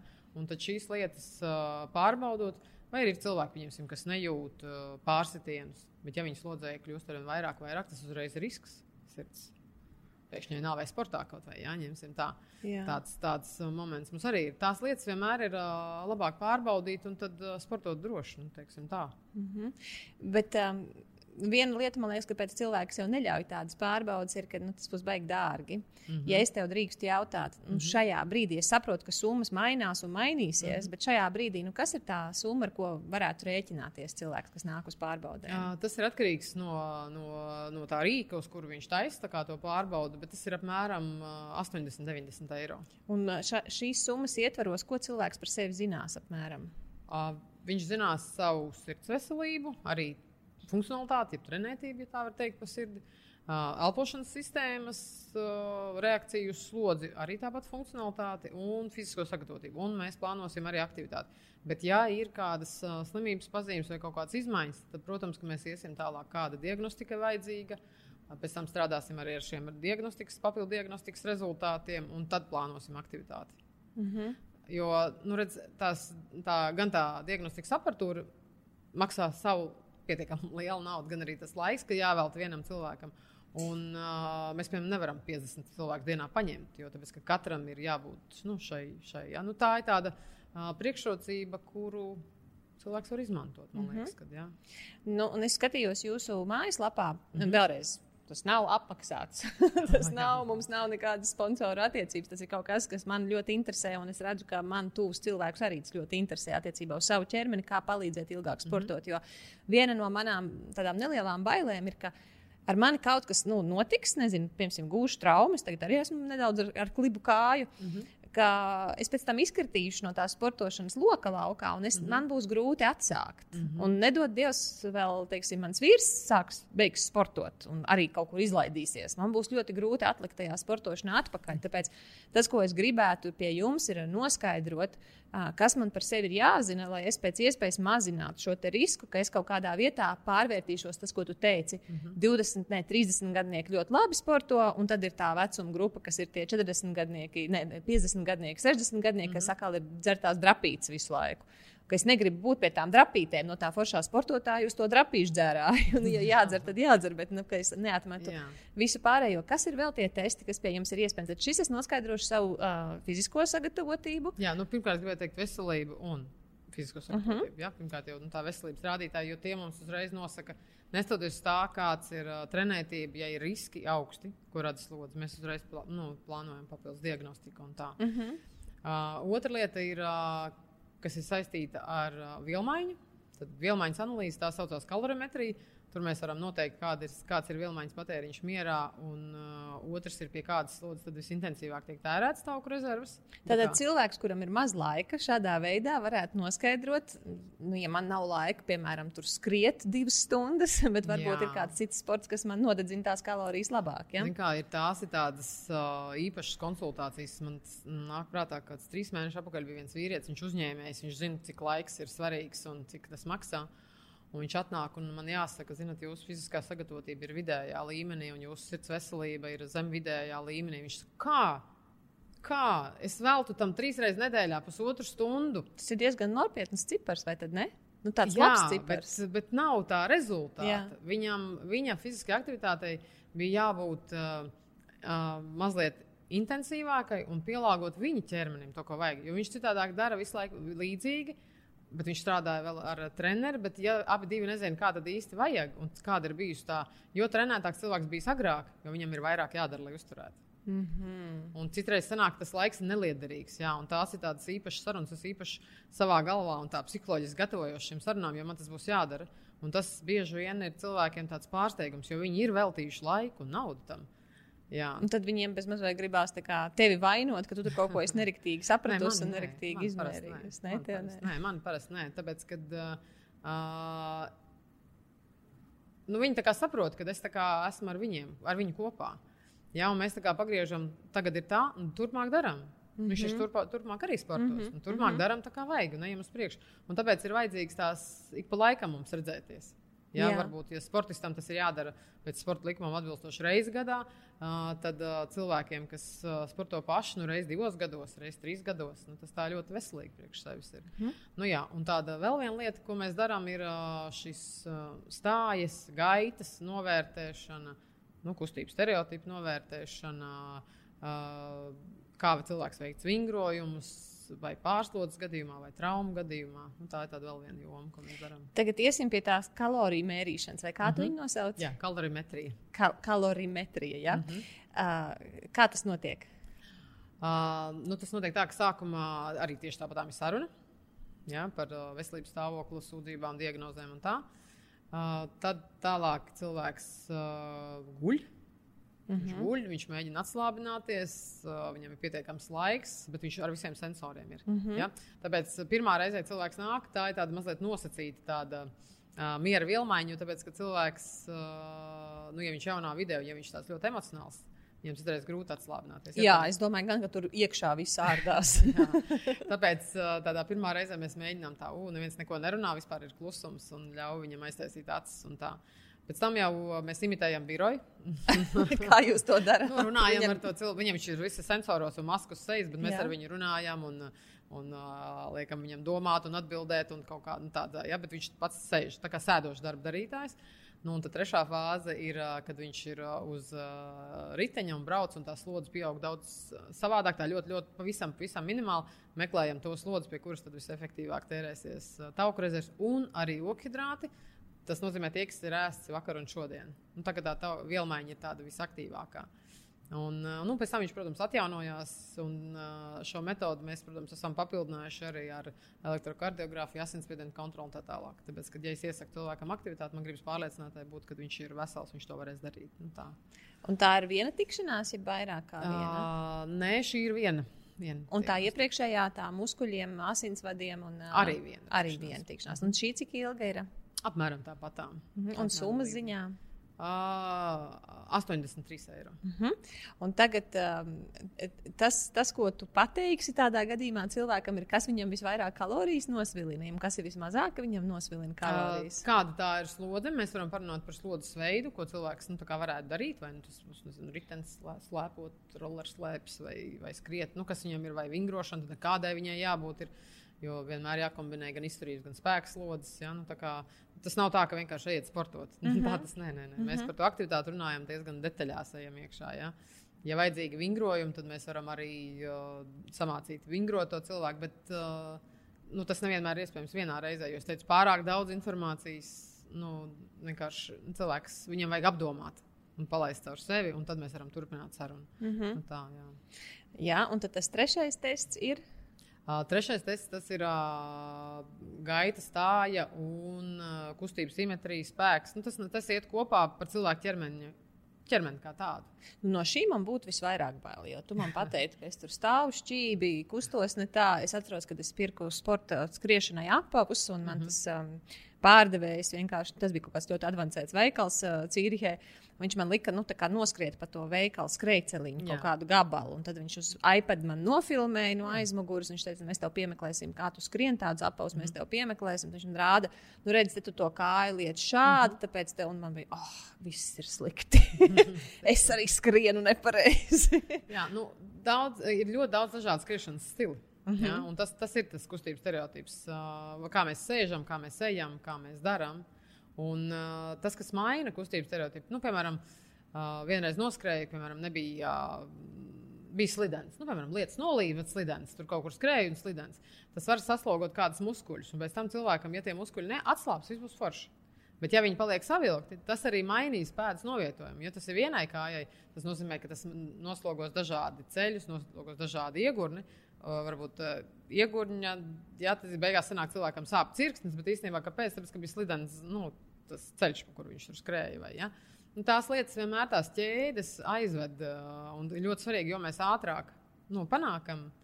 Man bija viens vīrietis, vienreiz interesanti, viņš atnāca ar plecu sūdzības, viņam bija par uh, liekas, labo plecu. Un, uh, un tur bija muskulim pārslodzi arī cīpslai, ja, un tas, tas sāpju sindroms. Un es viņiem prasu, ne, jums kaut kam ir jābūt. Saku, jums kaut kas bija jāizdara, kad jūs to nu, ieguvāt, jo viņam sūdzības bija sešas mēnešus. Es pirmkārt teicu, ka viņš ir ļoti pacietīgs un dzīvot ar plecu sāpēm sešas mēnešus. Uh, un viņš atcerējās. Viņš atcerējās, ka viņš vienreiz ar sievu sēdējis tur kaut kur, uh, nu, uz kaut kādā tur, nezinu, soliņa vai nu, kaut kādā parkā, un viņam bija baigi nērti. Bet viņš negribēja to sievu traucēt. Un viņš to sievu apģērbs tā turēja, stundu viņi tā sēdējuši. Un sievai bija baigi ērti, un viņam baigi nērti. Un, uh, un tad viņš rītīgi bija ieguvis pārslodzes tajiem muskuļiem, kuri pēc tam neatslāba. Mm -hmm. ja, tas vienkārši mainīja, kā viņš ceļ roku.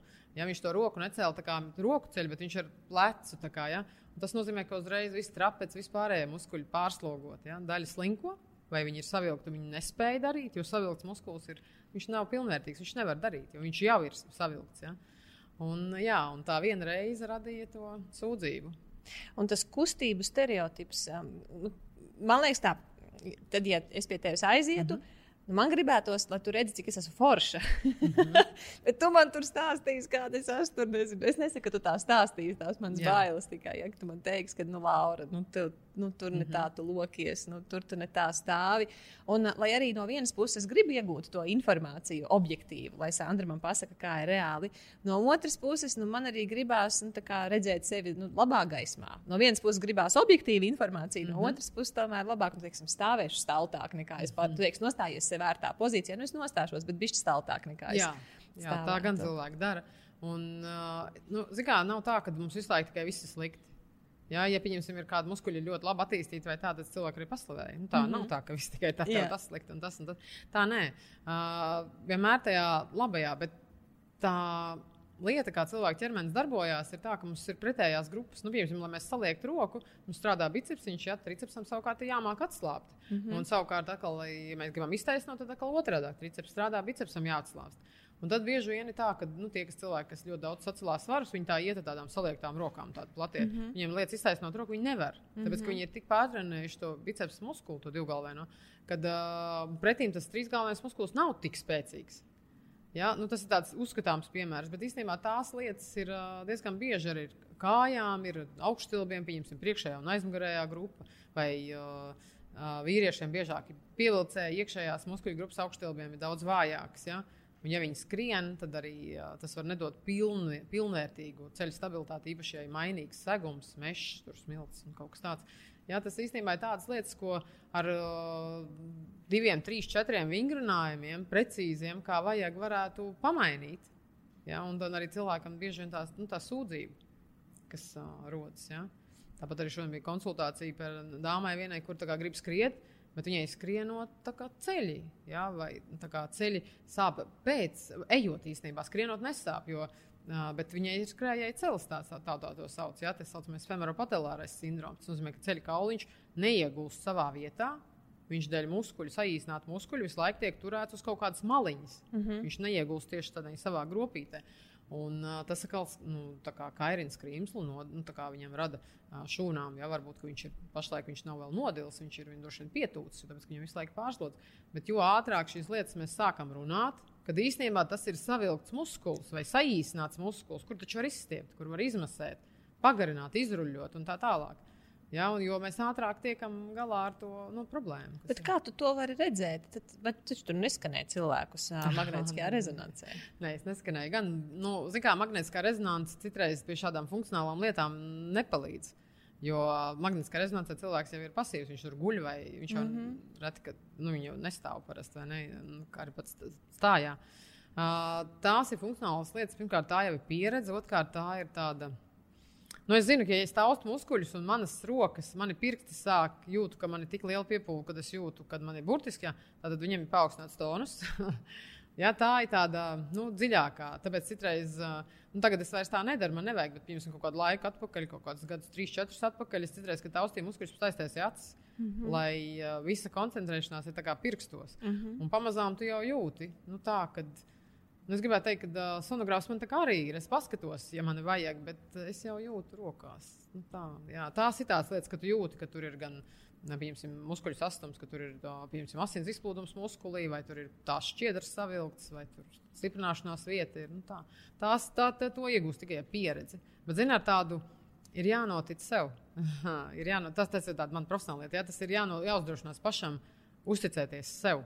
Mm -hmm. jā. Nu, jā. Bet uh, no otras puses, ir vēl viens tas labums, tāds, ka uh, sportārs, kā jau teicu, strādā ar cilvēkiem atkal un atkal. Nu, tur redz to cilvēku atkal, lai pēc gada vai pēc desmit gadiem, kā viņi atnāk. Uh, bet viņi atnāk. Un tu pajautāt, var, kā gāja, kā, nu, kā tika galā. Kad ir tā atgriezniskā saite, kas ir ļoti svarīga.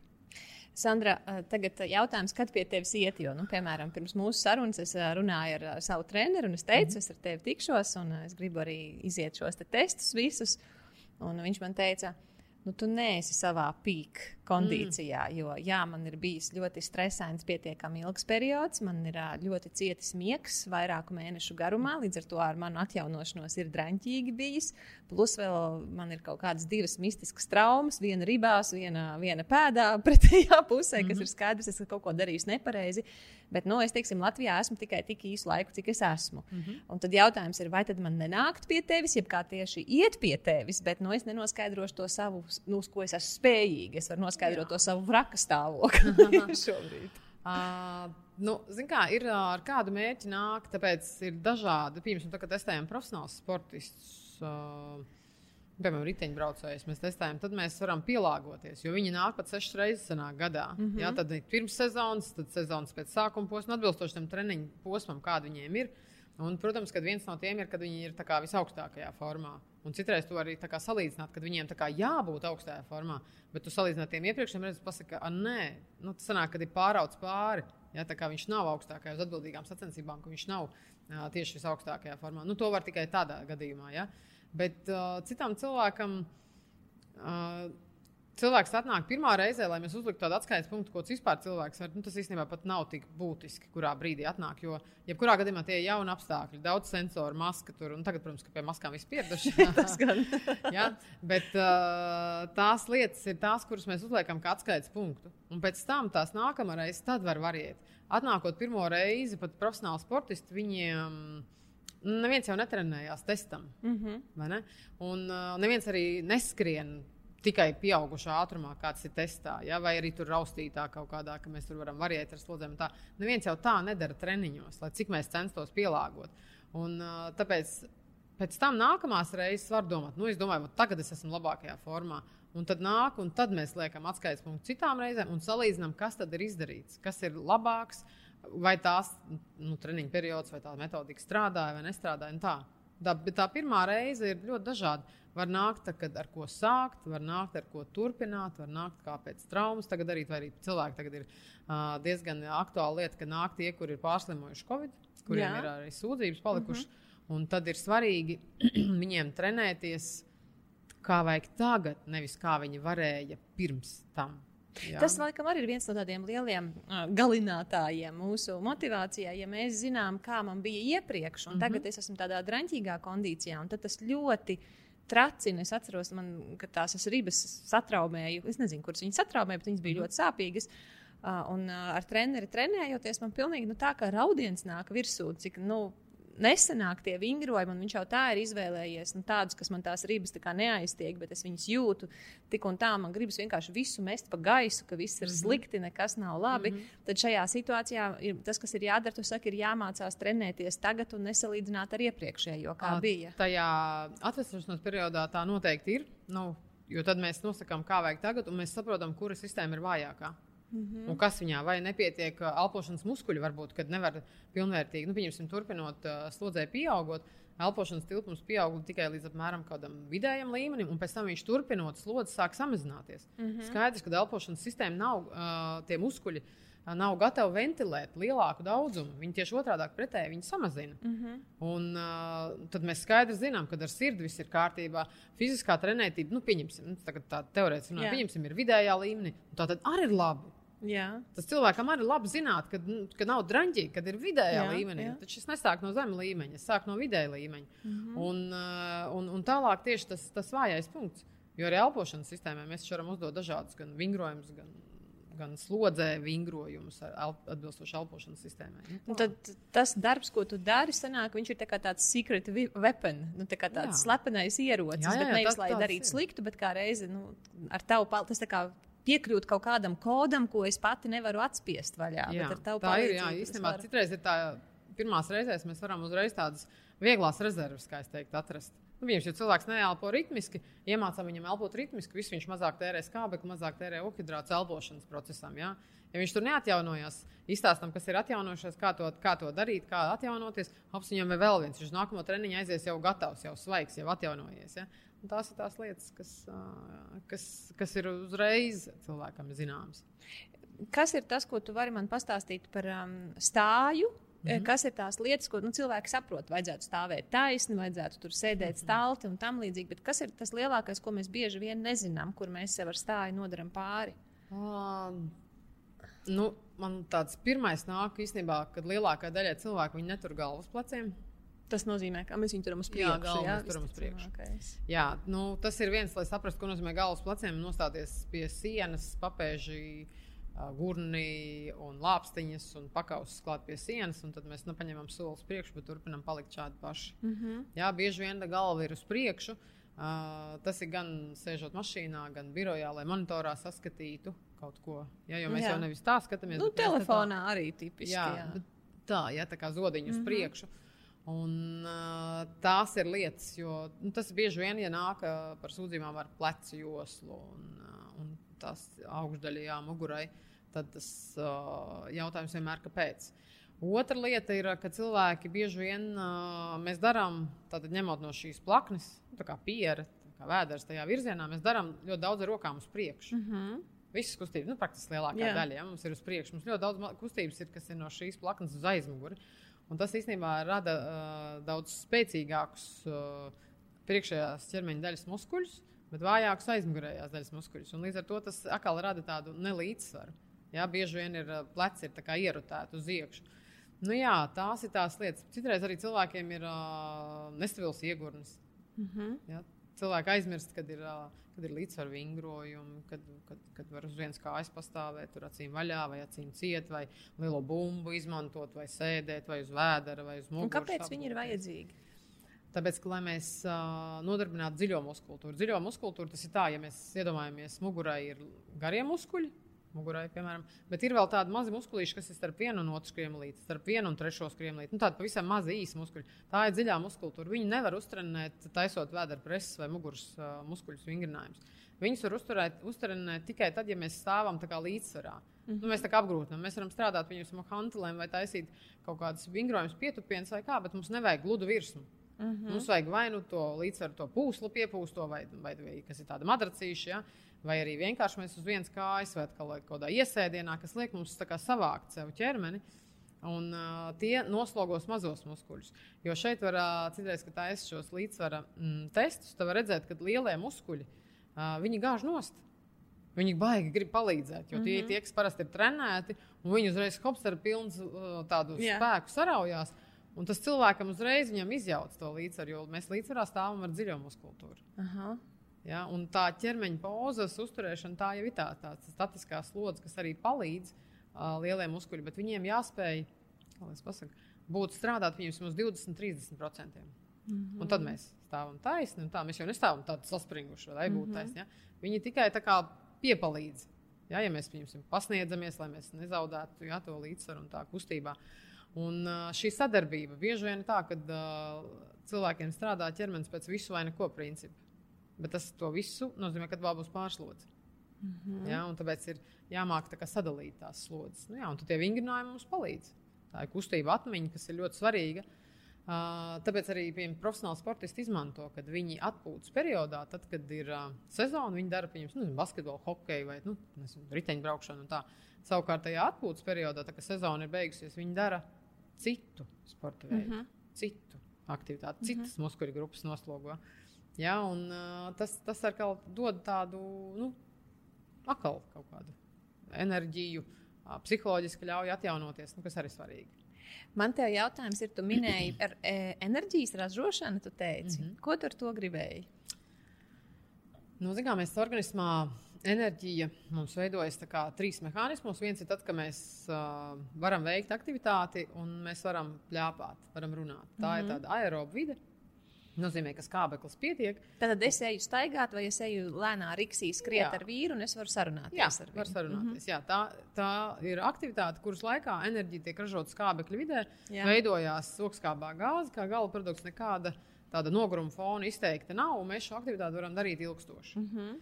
Un šajā brīdī, kā tādas uh, rezerves, tiek tērētas šīs tauku rezerves lielākoties, bet arī, protams, nedaudz okidrāta. Uh, tad nākamais ir tāds, tāds jauktais periods, kad uh, atkarībā no tā, cik daudz muskuļu ir iesaistīti. Uh, Strādājošos muskuļos organisms jau gribētu pāriet uz anaerobu, tā kā uz bezskābekļa vidi, bet vēl tā kā nē. Mm -hmm. ja, un to organisms to spēja kompensēt. Tā ir tāds jauktais periods, kas ir tāds, kad, ja mēs domājam par tādu aktivitāti, skrienot, jums kaut ko pajautā, var pateikt trīs, četrus vārdus. Bet tālāk atkal jā, jā, jāpelpo. Ja? Nu tā, ka nevar tā brīvi, brīvi tā runāties. Nu, un tad ir šī anaerobā slodze, kad, nu, piemēram, sprints, kaut kā tur pietupieni vai Nu, tur, kur prātā nenāk pat sērijas. runāties. Jā, jā, jā. jā tās ir, tā ir anaeroba slodze, jo tāpēc, kad muskuļi dara tik daudz, viņi prasa to enerģiju ļoti daudz. Uh, bet mēs šajā laikā arī tērējam ļoti izteikti šīs enerģijas rezerves. Mm -hmm. ja? Un uh, tas adenozīna trifosfāts, ja mums pietiek šī skābekļa, tad veidojās no vienas glikolas molekulas 38 mm -hmm. ATF, jeb an- adenozīna trifosfāta šīs molekulas. Savukārt, ja mums ir anaeroba vide nepietiek, tad veidojas tikai divas. Mm -hmm. Līdz ar to mēs ļoti strauji tērējam šīs rezerves, un šajā uh, anaerobajā vidē var izmantot tikai okidrātus. Tas mm -hmm. nozīmē, tā, tā arī profesionāls sportists, ja viņi dara pieņemsim, vienu, vienu veidu slodzi, nu, piemēram, skrien. Tad uh, profesionāls sportists, viņš skrien, viņš var skriet ātrāk, viņš skrien, skrien, skrien, un viņš tērē vēl tās tauku rezerves. Savukārt, neprofesionālam sportistam viņš jau pieķēries pie okidrātiem, viņš sāk tērēt. Un okidrāta rezerves mums organismā ir ierobežotas. Apmēram, nu, pieaugušam cilvēkam būs apmēram 450 gramu. Un uz cik ilga laika kādai aktivitātei tas Ā, ir? Tas, es teikšu, tādai uh, virsvidējai aktivitātei apmēram pietiek apmēram 90 minūtēm. Virsvidējai aktivitātei. Mm -hmm. ja? 90 minūtēm, bet te ir atkal tāds krifiņš, kad, ja ir izmantots citreiz sporta uzturu, uh, cilvēka ķermenis darbojas pēc principa, ja viņam dod no ārpuses, nu, piemēram, kādu sporta dzērienu. Man, protams, nepatīk dzērieni ar stimulatoriem. Es uzreiz pateikšu, kur ir kofeīns, guarana un taurīns. Uh, viņus tikai uz finišu. teiksim Jā. Tā, ja? Jo zinu, ka pēc tam atjaunosies, bet otrs ir tas, kas, kāpēc man viņi nepatīk. Tāpēc, ka viņi bieži vien dzēna sirdi. Mm -hmm. Viņi paaugstina asinsspiedienu, radot cilvēkam lielāku risku. Ja? Bet tāds normāls sporta dzēriens bez sporta stimulatoriem ir forši un tā. Ja? Uh, tad to dzerot, tad uh, cilvēka ķermenis tērē to enerģiju, kas ir tajā dzērienā. Viņš savu tā kā taupa. Mm -hmm. Un- Tas ir labi vai slikti? Nu, kā, atkarībā no tā, kāds ir mērķis. Jā. Ja mērķis ir uzturēt sevi fiziskā formā un darboties, un uh, nav jāsamazina svars, nu, tad uzņemam dzērienu, sportojam, esam aktīvi un tā tālāk. Bet, ja ir jāsamazina svars, tad, protams, ka sporta dzērienu mēs nedzersim. Mēs dzersim ūdeni. Mm -hmm. ja? uh, nu, jā. un tās ir tās izvēles, kas, kas notiek. Un, Un, ja izmanto šo sporta dzērienu, tad viņš vai tur žēlēja, vai citreiz kaut kāds batoniņš, tad viņš ir jāsāk lietot jau līdz kaut kādai 45 līdz 60 minūtei. Negaidām, ka mēs izsīkstam, jo tad būs ļoti grūti iestrādāties un, un izmantot. Ir jāsāk lietot ātrāk. Nu, nu, pieņemsim, distance mums ir paredzēta divas stundas, uh Mhm. -huh. un mēs darbosimies, uh, nu, piemēram, skrienam pusmaratonu. Nu, Jā, jā, jā. divas stundas. Bet mums uh, vēlams, ka tas sporta dzēriens, ka mēs viņu mūsu tur kādā tur punktā, kāds draugs tur sagaida, iedod padzerties pēc 60 minūtes. Jā. Nevis mēs sagaidām, ka mēs esam izsīkuši 90 minūtē, un tad, Tad sāksim jo tas dzert. ietekmēs rezultātu. Tomēr, ja? nu, tie ir tādi knifi, kurus uh, izmanto tad, ja cilvēki mērķiecīgi kaut kur dodas, tad mēs runājam arī par uzturlietām, par kā to distanci veikt. Nu, ir tādas ultra, ultra lietas, nu, kaut kādas tādas īpašas lietas. Vai pie tevis var noskaidrot arī, ja man, piemēram, ir nezinu, divi pretrunīgi mērķi? Piemēram, teiksim, cilvēks ir izdomājis, nu, vispār es gribu notievēt, uh -huh. ja? Bet vienlaicīgi es gatavojos uz, pieņemsim, maratonu vai pusmaratonu, un es gribu ļoti labi to maratonu noskriet. Uh -huh. ja? Vai tu vari tās vienas konsultācijas laikā arī ieteikt, tagad uz tievēšanas laiku dari šādi, bet tad, kad tu skries to maratonu, tad dari šādu ar uzturu? Nu, tā viena lieta, otrai droši vien, kad var palīdzēt. Jā. Jā, jo cilvēks ir motivēts, viņam ir mērķis. Tas, tas jau ir tā viena liela lieta. Uh, otrs ir tas, ka, uh, ja viņam būs mazāks ķermeņa svars sagatavošanās periodā, mēs noteikti runāsim par uzturu šajā konsultācijā. Noteikti arī par ikdienas, ko viņš ēd. Uh, jo, ja viņam būs mazāks ķermeņa svars, tas nozīmē, ka būs mazāks lodziņš locītavām, pašam būs vieglāk un tā tālāk. Jā, tā kā tas ir būtiski. Uh, bet mēs runāsim arī par adaptāciju, pa kurien viņš skrien. Uh -huh. Jā, sākumā noteikti mīkstais segums būtu vēlamāks, kad ķermeņa svars, jo ir kaut kādas robežas. Ja, pieņemsim, biomehāniski skatās, ka ceļu locītavai ir, ja cilvēkam nav divi metri, uh -huh. ja viņam nav divi metri, tad uh, 90 kg un vairāk ir tomēr risks biomehāniski pārslodzēji ceļu locītavām. Ja, tā, kā, tā, kā tā ir tādas lietas, kuras tad uzreiz var pārunāt.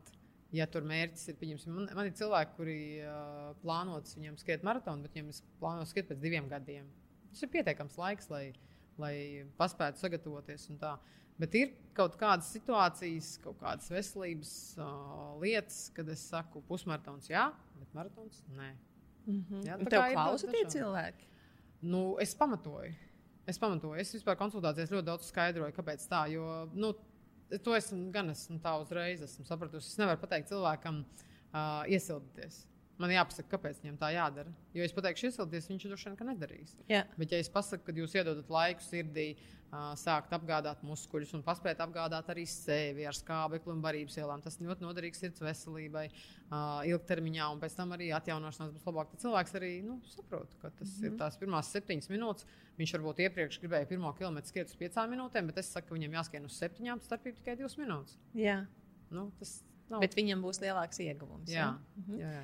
Ja, piemēram, cilvēkam ir trauma kaut kāda, Mhm. mm -hmm. nu, teiksim, šobrīd mans vīrs ir uzzinājis, ka viņam ir uh, muguras diska trūce. Mm Mhm. -hmm. Un, uh, mums bija paredzēts, ka mēs šajā braucienā uz Latviju abejam pie tevis un testējamies. Mm Mhm. -hmm. jā, mēs gribam zināt to mūsu kondīciju. Nu, tad man pateica, ka man nav tas uh, pīk. Pīka uh, Mhm. kondīcija tāpat labākā, ka man jau tur nekas labs nebūs, bet, nu, teiksim, tā mans vīrs, kurš ir nu, diezgan sportisks cilvēks, nu, viņš ir pavisam čābīgā kondīcijā. Mm -hmm. Un tad mans jautājums tagad ir, jo es zinu, ir daudz tādu cilvēku, kādam tas ir cēlis, kādam tas ir plecs, mm -hmm. vēl kaut kas. Uh, iet pie tevis tajā brīdī vai neiet, gaidīt, kamēr sadzīs. Es gribētu teikt, ka nu, tas atkarīgs no tā, kāds ir tas, nu, tā situācija. Ja? Ir, protams, ka, ja ir nu, akūts sāpes vai ģips cilvēkam, vai kā, nu, tad mēs. Nu, jā, viņš nevarēs to kāju jā, ģipsī paskriet, jā, jā, protams, jā. jā. Bet, ja ir tā kā cilvēks novērtē, ka ir tā kā pašam liekas, ka vismaz apmierinoši, tad es teiktu, iet. Tāpēc, ka mēs varam saplānot aktivitāti tā, kā vajag tagad, bet otrs ir tas, ka mēs varam uh, pārunāt, kā viņam nezaudēt to formu. Mm -hmm. Kā viņam nezaudēt, ko darīt, lai nezaudētu šo. Nu, jo tāpēc, ka pēc tam, kā jau teicu, ja, kad atgūt pēc tam ir daudz grūtāk nekā varbūt uzturēt. Un uh, citreiz tā aktivitāte, vai nu tā ir peldēšana, vai nu tas ir skrējums, tas ir ritens, vai tur vēl kaut kāda elips vai trenižers. Tās ir tās iespējas, vai kaut vai arī vingrojums paklājiņi.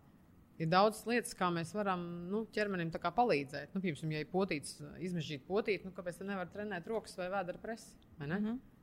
Un tad um, mēs runājām par muskuļu spēku, bet kā ir piemēram, nu, teiksim, nezinu, jogas treniņu sakarā, tas mm -hmm. arī ir kaut kas, kur tu vari palīdzēt. Nu, jogas gadījumā ir, man tā uzreiz nāk prātā, kas man nākuši konsultācijās. Uh, tur mēs esam runājuši gan par elpošanu. Mm -hmm.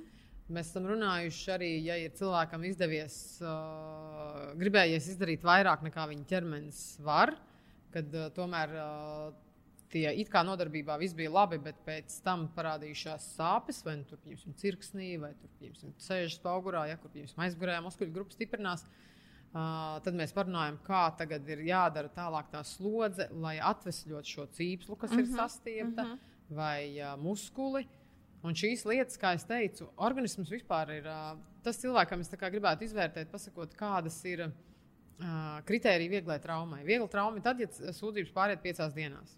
Tā ir viegla trauma. Jā, mhm. ja ir tālāk vidēji smaga līdz 10 dienām, vai smaga, kas ir ilgāk par 15 dienām, tad, tad, protams, kad ir jānāk. Jo, ja piecās dienās paliek kaut nedaudz labāk un liekas, ka nu tikšu galā, jo nav foršs variants, kad ļauj uh, organismam sapakot traumas vietu. Pastāstiet, ko nozīmē. Nu, tas nozīmē, nu, piemēram, nezinu, piemēram, cilvēkam iesāpējās plecs, kas notiek. Tad plecu joslu viņš roku necels augšā, viņš viņu var nu, lakatiņā jau citēri iesien lakatiņā. Uh, ja, uh, tad uh, sanāk apkārtējie muskuļi, tāpēc, ka ir sāpes. Tad, kas notiek pie sāpēm? Ķer, cilvēka ķermenis sāk sevi sargāt, apkārtējos muskuļus hipertonusā sasprindzīna, tad kustības ir vēl mazākas. Un tas aiziet tādā asinsritē sliktāka, ja, atvesļošanās sliktāka, un tas viss paildzina to visu. Un citreiz uh, atvesļošanās periodā man tas uzreiz jāsaka, ka atvesļošanās nav pilnīgi bez sāpēm. Mm -hmm. ja? Ir lietas, kuras mums ir kustība amplitūda, mums ir jāsaglabā. Ja, neskatoties gan arī ne uz ko, varbūt skatoties, kurā brīdī mēs to varam atļauties darīt. Ja, tas ir atkal tā, ir tā variācija. Bet uh, pieļaut to, ka uz iekais un fona veidojas sauguma, un pēc tam veidosies, kad cilvēks nevarēs pacelt roku. Man tās pilnāk prātā viena sieviete, viņa bija ļāvusi ar zāles pļāvēju, un uh, tas bija jūnijā. Un viņai pēc tam sāpēja plecs, un viņa bija staigājusi lakatiņā sešas nedēļas, roku iesējusi lakatiņā, jo taču sāp plecs. Pati pēc savas iniciatīvas. Jā, viņa pie manis pēc tam viņa domāja, ka nu, jau viņa tā ikdienā var. Bet tomēr sapratu, ka īsti nevaru. Pie manis viņa atnāca oktobra sākumā. Tad pagājuši jau mēneši, ja, četri. Un, uh, protams, es uzreiz nolieku objektīvu mēru, kā, cik tālu viņa var. Viņa varēja uz priekšu pacelt roku 40 grādi, un uz mm -hmm. sāniem pacelt 29 grādi. Viņai bija uz auguma, uz tā iekaisuma fona, bija izteikti, izteikti augumi izveidojušies. Mēs strādājām sešus mēnešus, līdz viņi varēja pacelt roku 90 grādos. Nu, viņi pat asarām acīs tajā nodarbībā bija, kad mēs to varējām. Uh, bet tas vienkārši ir daudz lietas, kuras nedrīkst ielaist. Jo cilvēks pielāgojas. Ja? Viņš neceļ roku, viņš ceļ plecu līdzi, ja? vai izlokās vēl visādi. visādi. Un tas ir šis kustības stereotips, ka mēs sākam darīt savādāk. Mm -hmm. Un tas, man liekas, ir ļoti svarīgs ir uh, treneriem uh, kā, atcerēties, vai zināt, vai es arī savā lekcijās vienmēr viņiem kā, uzsveru, ka viņiem ir jāpamana, ka viņu sportisti dara savādāk. Jautājums, kāpēc tu dari? Tev sāp? Kas, kāpēc? Kas notiek? Kāpēc tu dari savādāk? Jā, tā ir tāda ļoti svarīga pazīme, nu, kam ir pievērsta uzmanība. Mm -hmm. Jā, bet nu, tā cilvēkiem es teiktu, piecas dienas. Jā. Jā. Nu, pēc tava apraksta man visas ir smagas traumas, lai gan man likās, nu, man jau tā nepārāk sāp. Nav jau nekas tik briesmīgs. nu, tas, tas ir tas uh, stāsts, ir, kad, ja tajās dienās paliek kaut nedaudz labāk, tad jā. var cilvēks vērot tālāk, kas jā, notiek. Jā. Jo diezgan bieži ir tā, ka cilvēkam tur sāp, nu, nezinu, piemēram, tur apakštilbā, kad sāp muskuļos un tā. Un viņš tagad paņem pārtraukumu, viņš tagad mēnesi neskries. Viņš atsāk un ir atkal tas pats. Mm -hmm. Tāpēc, kad pa to starpu muskuļu tonus nebūtu nemazinājās, nekas neatjaunojās. Jo, lai, lai mazinātu, mums jau jāsaprot, kas tā par problēmu un jātiek galā ar to. Tad, sanāk, um, konsultējoties pie tevis, pie sporta ārsta, mm -hmm. tas, ko cilvēks iegūst, ir, ka jā, viņš varbūt nesportos tā kā gatavojoties maratonam, mm -hmm. bet viņš parūpēsies, ka tā atveseļošanās ir vērtīgāka nekā jā. varbūt neveseļojoties uh, tajā konstruktīvajā veidā. Tā atkritiens sanāk lielāks atpakaļ. Jā, protams, protams. Un arī ir lietas, kuras var darīt, uzturot sevi citas, citas sistēmas. Nu, bet, pieņemsim, tā pati muguras diska trūcē. Es ne, nevaru izlasīt, izla, izrunāt viņu normāli. Jā. Tur jau tās kustības ir ļoti ierobežotas. Arī tas var palīdzēt. Uh, nu, tad jāstāsta, kāda ir, kāda ir tā, tie, tie simptomi, tā klīnika. Uh -huh. ja? Uh, protams, ka tas vingrojuma klāsts uzreiz ir visdziļā muskultūra. Viss, uh Mhm. -huh. vis, vis, vis, vis. Un tālāk ir uh, jautājums, kurā brīdī cilvēks var sākt darīt kaut ko vairāk. Uh Mhm, -huh, ja? Un tā, tās ir tās, viņas ir tik individuālas. Un Cik Skaidrs. šeit gan nevar tādu tā unikālu recepti iedot, jo ir kam ir uz kājas sāpes, ir kam nav, ir kam muskuļi reaģēja. Atpņems, tagad arī bija uh, pirms divām nedēļām bija viens vīrietis konsultācija, arī sāpes mugurā. Un beigās es skatos, bet es redzu, nē, nu, jāņem. Tad, nu, tā, ja es redzu, ka nav, jo nu, viņiem es pieradusi, esmu skatīties, kā cilvēki dara, un uh, arī to muskuļu skatīties. Un tā. un paņem tad, jā, viņam apakšstilba starpība 2,4 cm. Tas nozīmē, ka viņam tas nav tikai tagad iesāpējās. Nē, ka viņš jau sen ir slogojis vienu pusi, visu laiku darījis tā kā uz vienu. Jo kā tad 2,4 cm tas jau ir redzams, ar, nu, vismaz ar manu acu redzams. Jā. Sandra, man te pēdējais jautājums ir par um, uh, atjaunošanos. Mm -hmm. Kas ir tās lietas, ko mēs bieži vien nesaprotam par atjaunošanos? Neskatoties uz to, ka mēs zinām, vajag gulēt pietiekami, nevajag mm pārtrenēties, kur tu redz lielākās kļūdas. Un ne tikai es, ne, es nedomāju tik daudz sportistiem, cik entuziastiem, kas, Jā. kas grib sportot. Nu, es sporto. gribēju teikt, ka atjaunošanās ir tas, ko tu minēji, tur miegs, uzturs un tā. Tās ir tās lielās, svarīgās lietas, lai mēs atjaunotos tā pilnvērtīgi. Ja? Bet uh, citreiz cilvēks aizmirst par psiholoģisku atjaunošanos. Ja ir tagad man tā brīvdiena, vai tas, ko es stāstu saviem sportistiem, nu, piemēram, tagad ir uh, sportists gūst tādu traumu, tad mums ir svarīgi, ko viņš tagad darīs. Viņš tagad četrus mēnešus nevarēs sportot. Bet tad uzreiz ir sarakstīns, ko tu gribēji darīt. Kam tev nepietika laika? grāmatai, draugiem tikties. Nu, aiziet, tad tagad to dari. Un tas uzreiz tas laiks pārvēršas nu, savādāks. Ja? Uh, savukārt tam uh, cilvēkam, kurš uh, nu, kā ikdienā sporto, ir, kā jau teicu, tas atjaunošanās ir uh, aktīvā daļa. Es ļoti, ļoti atgādinātu par aktīvo. Mēs viņu varētu saukt par atsildīšanos vai atjaunošanos tūlīt pēc treniņa. Un tas nozīmē, Tas nozīmē nevis kā izdarīt tur spēku vingrojumus un iet uz ģērbtuvi, vai arī nezinu, atskriet no, nezinu, no meža, no orientēšanās un, uh, un iekāpt mašīnā, braukt mājās. Bet uh, izstiprināt to, izapļot rokas, uh, atcerieties, ka skriešana ir vienveidīga aktivitāte, riteņbraukšana ir vienveidīga aktivitāte. Mēs daudz, daudz sportojam ar rokām un kājām, un ķermenis mm -hmm. paliek statisks. Mm -hmm. ja? Viss sānu noliecieni un tā. Tās lietas, kuras uh, mēs ikdienā nedarām, pieķerties pie tām. Un vēl, uh, kad uh, atcildīšanās laikā var arī padarīt kādu vingrojumu, lai mazliet sev pārsteigtu. Nu, nevajag darīt visu laiku vienādi, jo tad ķermenis adaptējās un vairs viņš netrenējās. tā tad citādāku ats atsildīšanās. Jā, kaut ko savādāk. Kaut ko savādāk, pavariet. Ja? Jā, kaut vai nevis skriet uz priekšu, bet atpakaļ. Ja? Nu, tāds tāds, ele- tāds it kā liekas vienkārši lieta, bet no otras puses tas prasīs uzreiz daudz no koordinācijas, mm -hmm. savākties. Mm -hmm. ja? mm -hmm. nu, jā, tās tās lietas, kas uh, bieži vien cilvēki aizmirst. Viņi vairāk ļoti tendēti uz darbu, uz tādu, nu, uz darbu, domāju, fizisku darbu, Jā, uz treniņu. tieši procesu. trenēšos tagad. Jā, es taču atnācu trenēties. jā. Jā. Nu, jā, bet tā atjaunošanās ir ļoti būtiska, jo mums tā pienskābe, kas ir muskuļos saražota, ja mums ir anaeroba vide, viņi jādabana ārā. Viņi jāizskalo no turienes ārā. Jā, viņi jā, jā, jā, jāatjauno arī šī muskuļu asinsrite, tonus jāatjauno. Jā, tā tās visas lietas svarīgas. Super, paldies tev liels par šo. Es ļoti ceru, ka mums ar tevi būs vēl kāda saruna, jo man liekas, es varētu ar tevi runāt turpat vai bezgalīgi, kamēr es izjautāšu visu, visu kas man ir vajadzīgs. Kur cilvēki var tevi atrast, kur var iziet tās pārbaudes, par kurām mēs runājām? Uh, nu, es strādāju sporta laboratorijā, kas atrodas Brīvības gatavē. Un, uh, nu, ir tā, ka uh, mēs ļoti, ļoti variējam un pielāgojamies vai sarunājam ar cilvēkiem. Nu, Kā, kurā brīdī? Ja, tā ir vienmēr tā saruna, kad ir pieraksts. Ja, es nevaru teikt, ka viss ir rīt, bet Tad mājaslapa jums ir uh, www.sportlab.cl. tā kā angliski būtu sportlab.cl. Ja? Un uh, tur ir jāpierakstās pie noteikta speciālista vai kā tur ir jādara.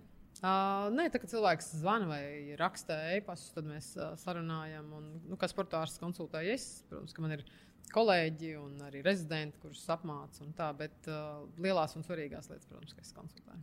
Un vēl viens jautājums, vai ir kaut kāda literatūra, ko tu uzskatīji, būtu vērtīgi cilvēkiem palasīt, un uh, ka tas būtu forši, ja viņi zinātu šo informāciju? Mm, ir, ir tā treniņrokas grāmata, kas ir, kas ir tie vairāki izdevumi, kurās ir nu, tādas sadaļas, bet viņi tā diezgan plaši taisīti. Gan par dopingu jautājumu, kas ir daļa no sporta medicīnas, gan arī sporta medicīnas tēmas, arī atjaunošanās, arī vingrojuma. Tāda treniņrokas grāmata, jā, tā, tā ir tā diezgan. Tā ir latviešu, un Jā, viņi ir jā, latviski. nopērkami joprojām. Ja? Jā, viņi ir nopērkami joprojām. Un, uh, nu, tad pārējās īstenībā mums tādas sporta medicīnā, tādas, uh, vai fizioloģijā, tādas grāmatas tieši attiecībā uz sportu nav. Mm -hmm. uh, bet es domāju, ka man liekas, ka vairāk ir tā, ka cilvēki citreiz izlasa. Un pēc tam viņas ap, apmaldās tajā informācijā. Ja? Bet tā, kad lasīt un tad uh, padomāt tieši par to, par to uh, lieder, liederību un paskatīties, kas ir atsauksmēs. Jā, es ieteiktu. Vēl viena lieta, ko es tev aizmirsu pajautāt par um, sporta kaut kādiem rādītājiem. Nu, kā tagad ir uh, tie viedpulksteņi un, un, un gradzeni, kas tur visu kaut ko mēra. Uh, kas ir tas, ko tu ieteiktu, nu, ko tu parasti cilvēkiem iesaki? Jā, šo ir vērtīgi šos rādītājus paskatīties. Un ar šo gadgetu, piemēram. Jā, nu, tas nu, man patīk, kad cilvēkiem ir pulsmetrs. Īpaši, ja viņi tā kā sevi tā īsti nezin, nesaprot savu ķermeni, ja? nu, kā sportisti vairāk viņi jau to intuitīvi jūt. Bet ir cilvēki, kad viņi nezina sevi, un tad viņiem pulsmetrs ļauj saprast vai redzēt, kā tad iet tai sirsniņai, vai arī no otras puses muskuļu sistēmai. Lai viņi pagaida, šis mm -hmm. treniņš ir sirdī. Ja, tā kā dalīt slodzes, kas īstenībā daudziem cilvēkiem vajadzīgs nu, dalīt, kas ir ātrumam, kas ir spēkam, Jā. kas ir sirsniņai. Jā. Un tad pulsometrs, kurā ir iekšā iespēja uzlikt arī kādu zonu, nu, pieņemsim, lai viņš darb, darbojas brīvi, bet nepār, nepārsniedzot to frekvenci, ko cilvēks vienkārši atzīmē, atbilstoši saviem rezultātiem.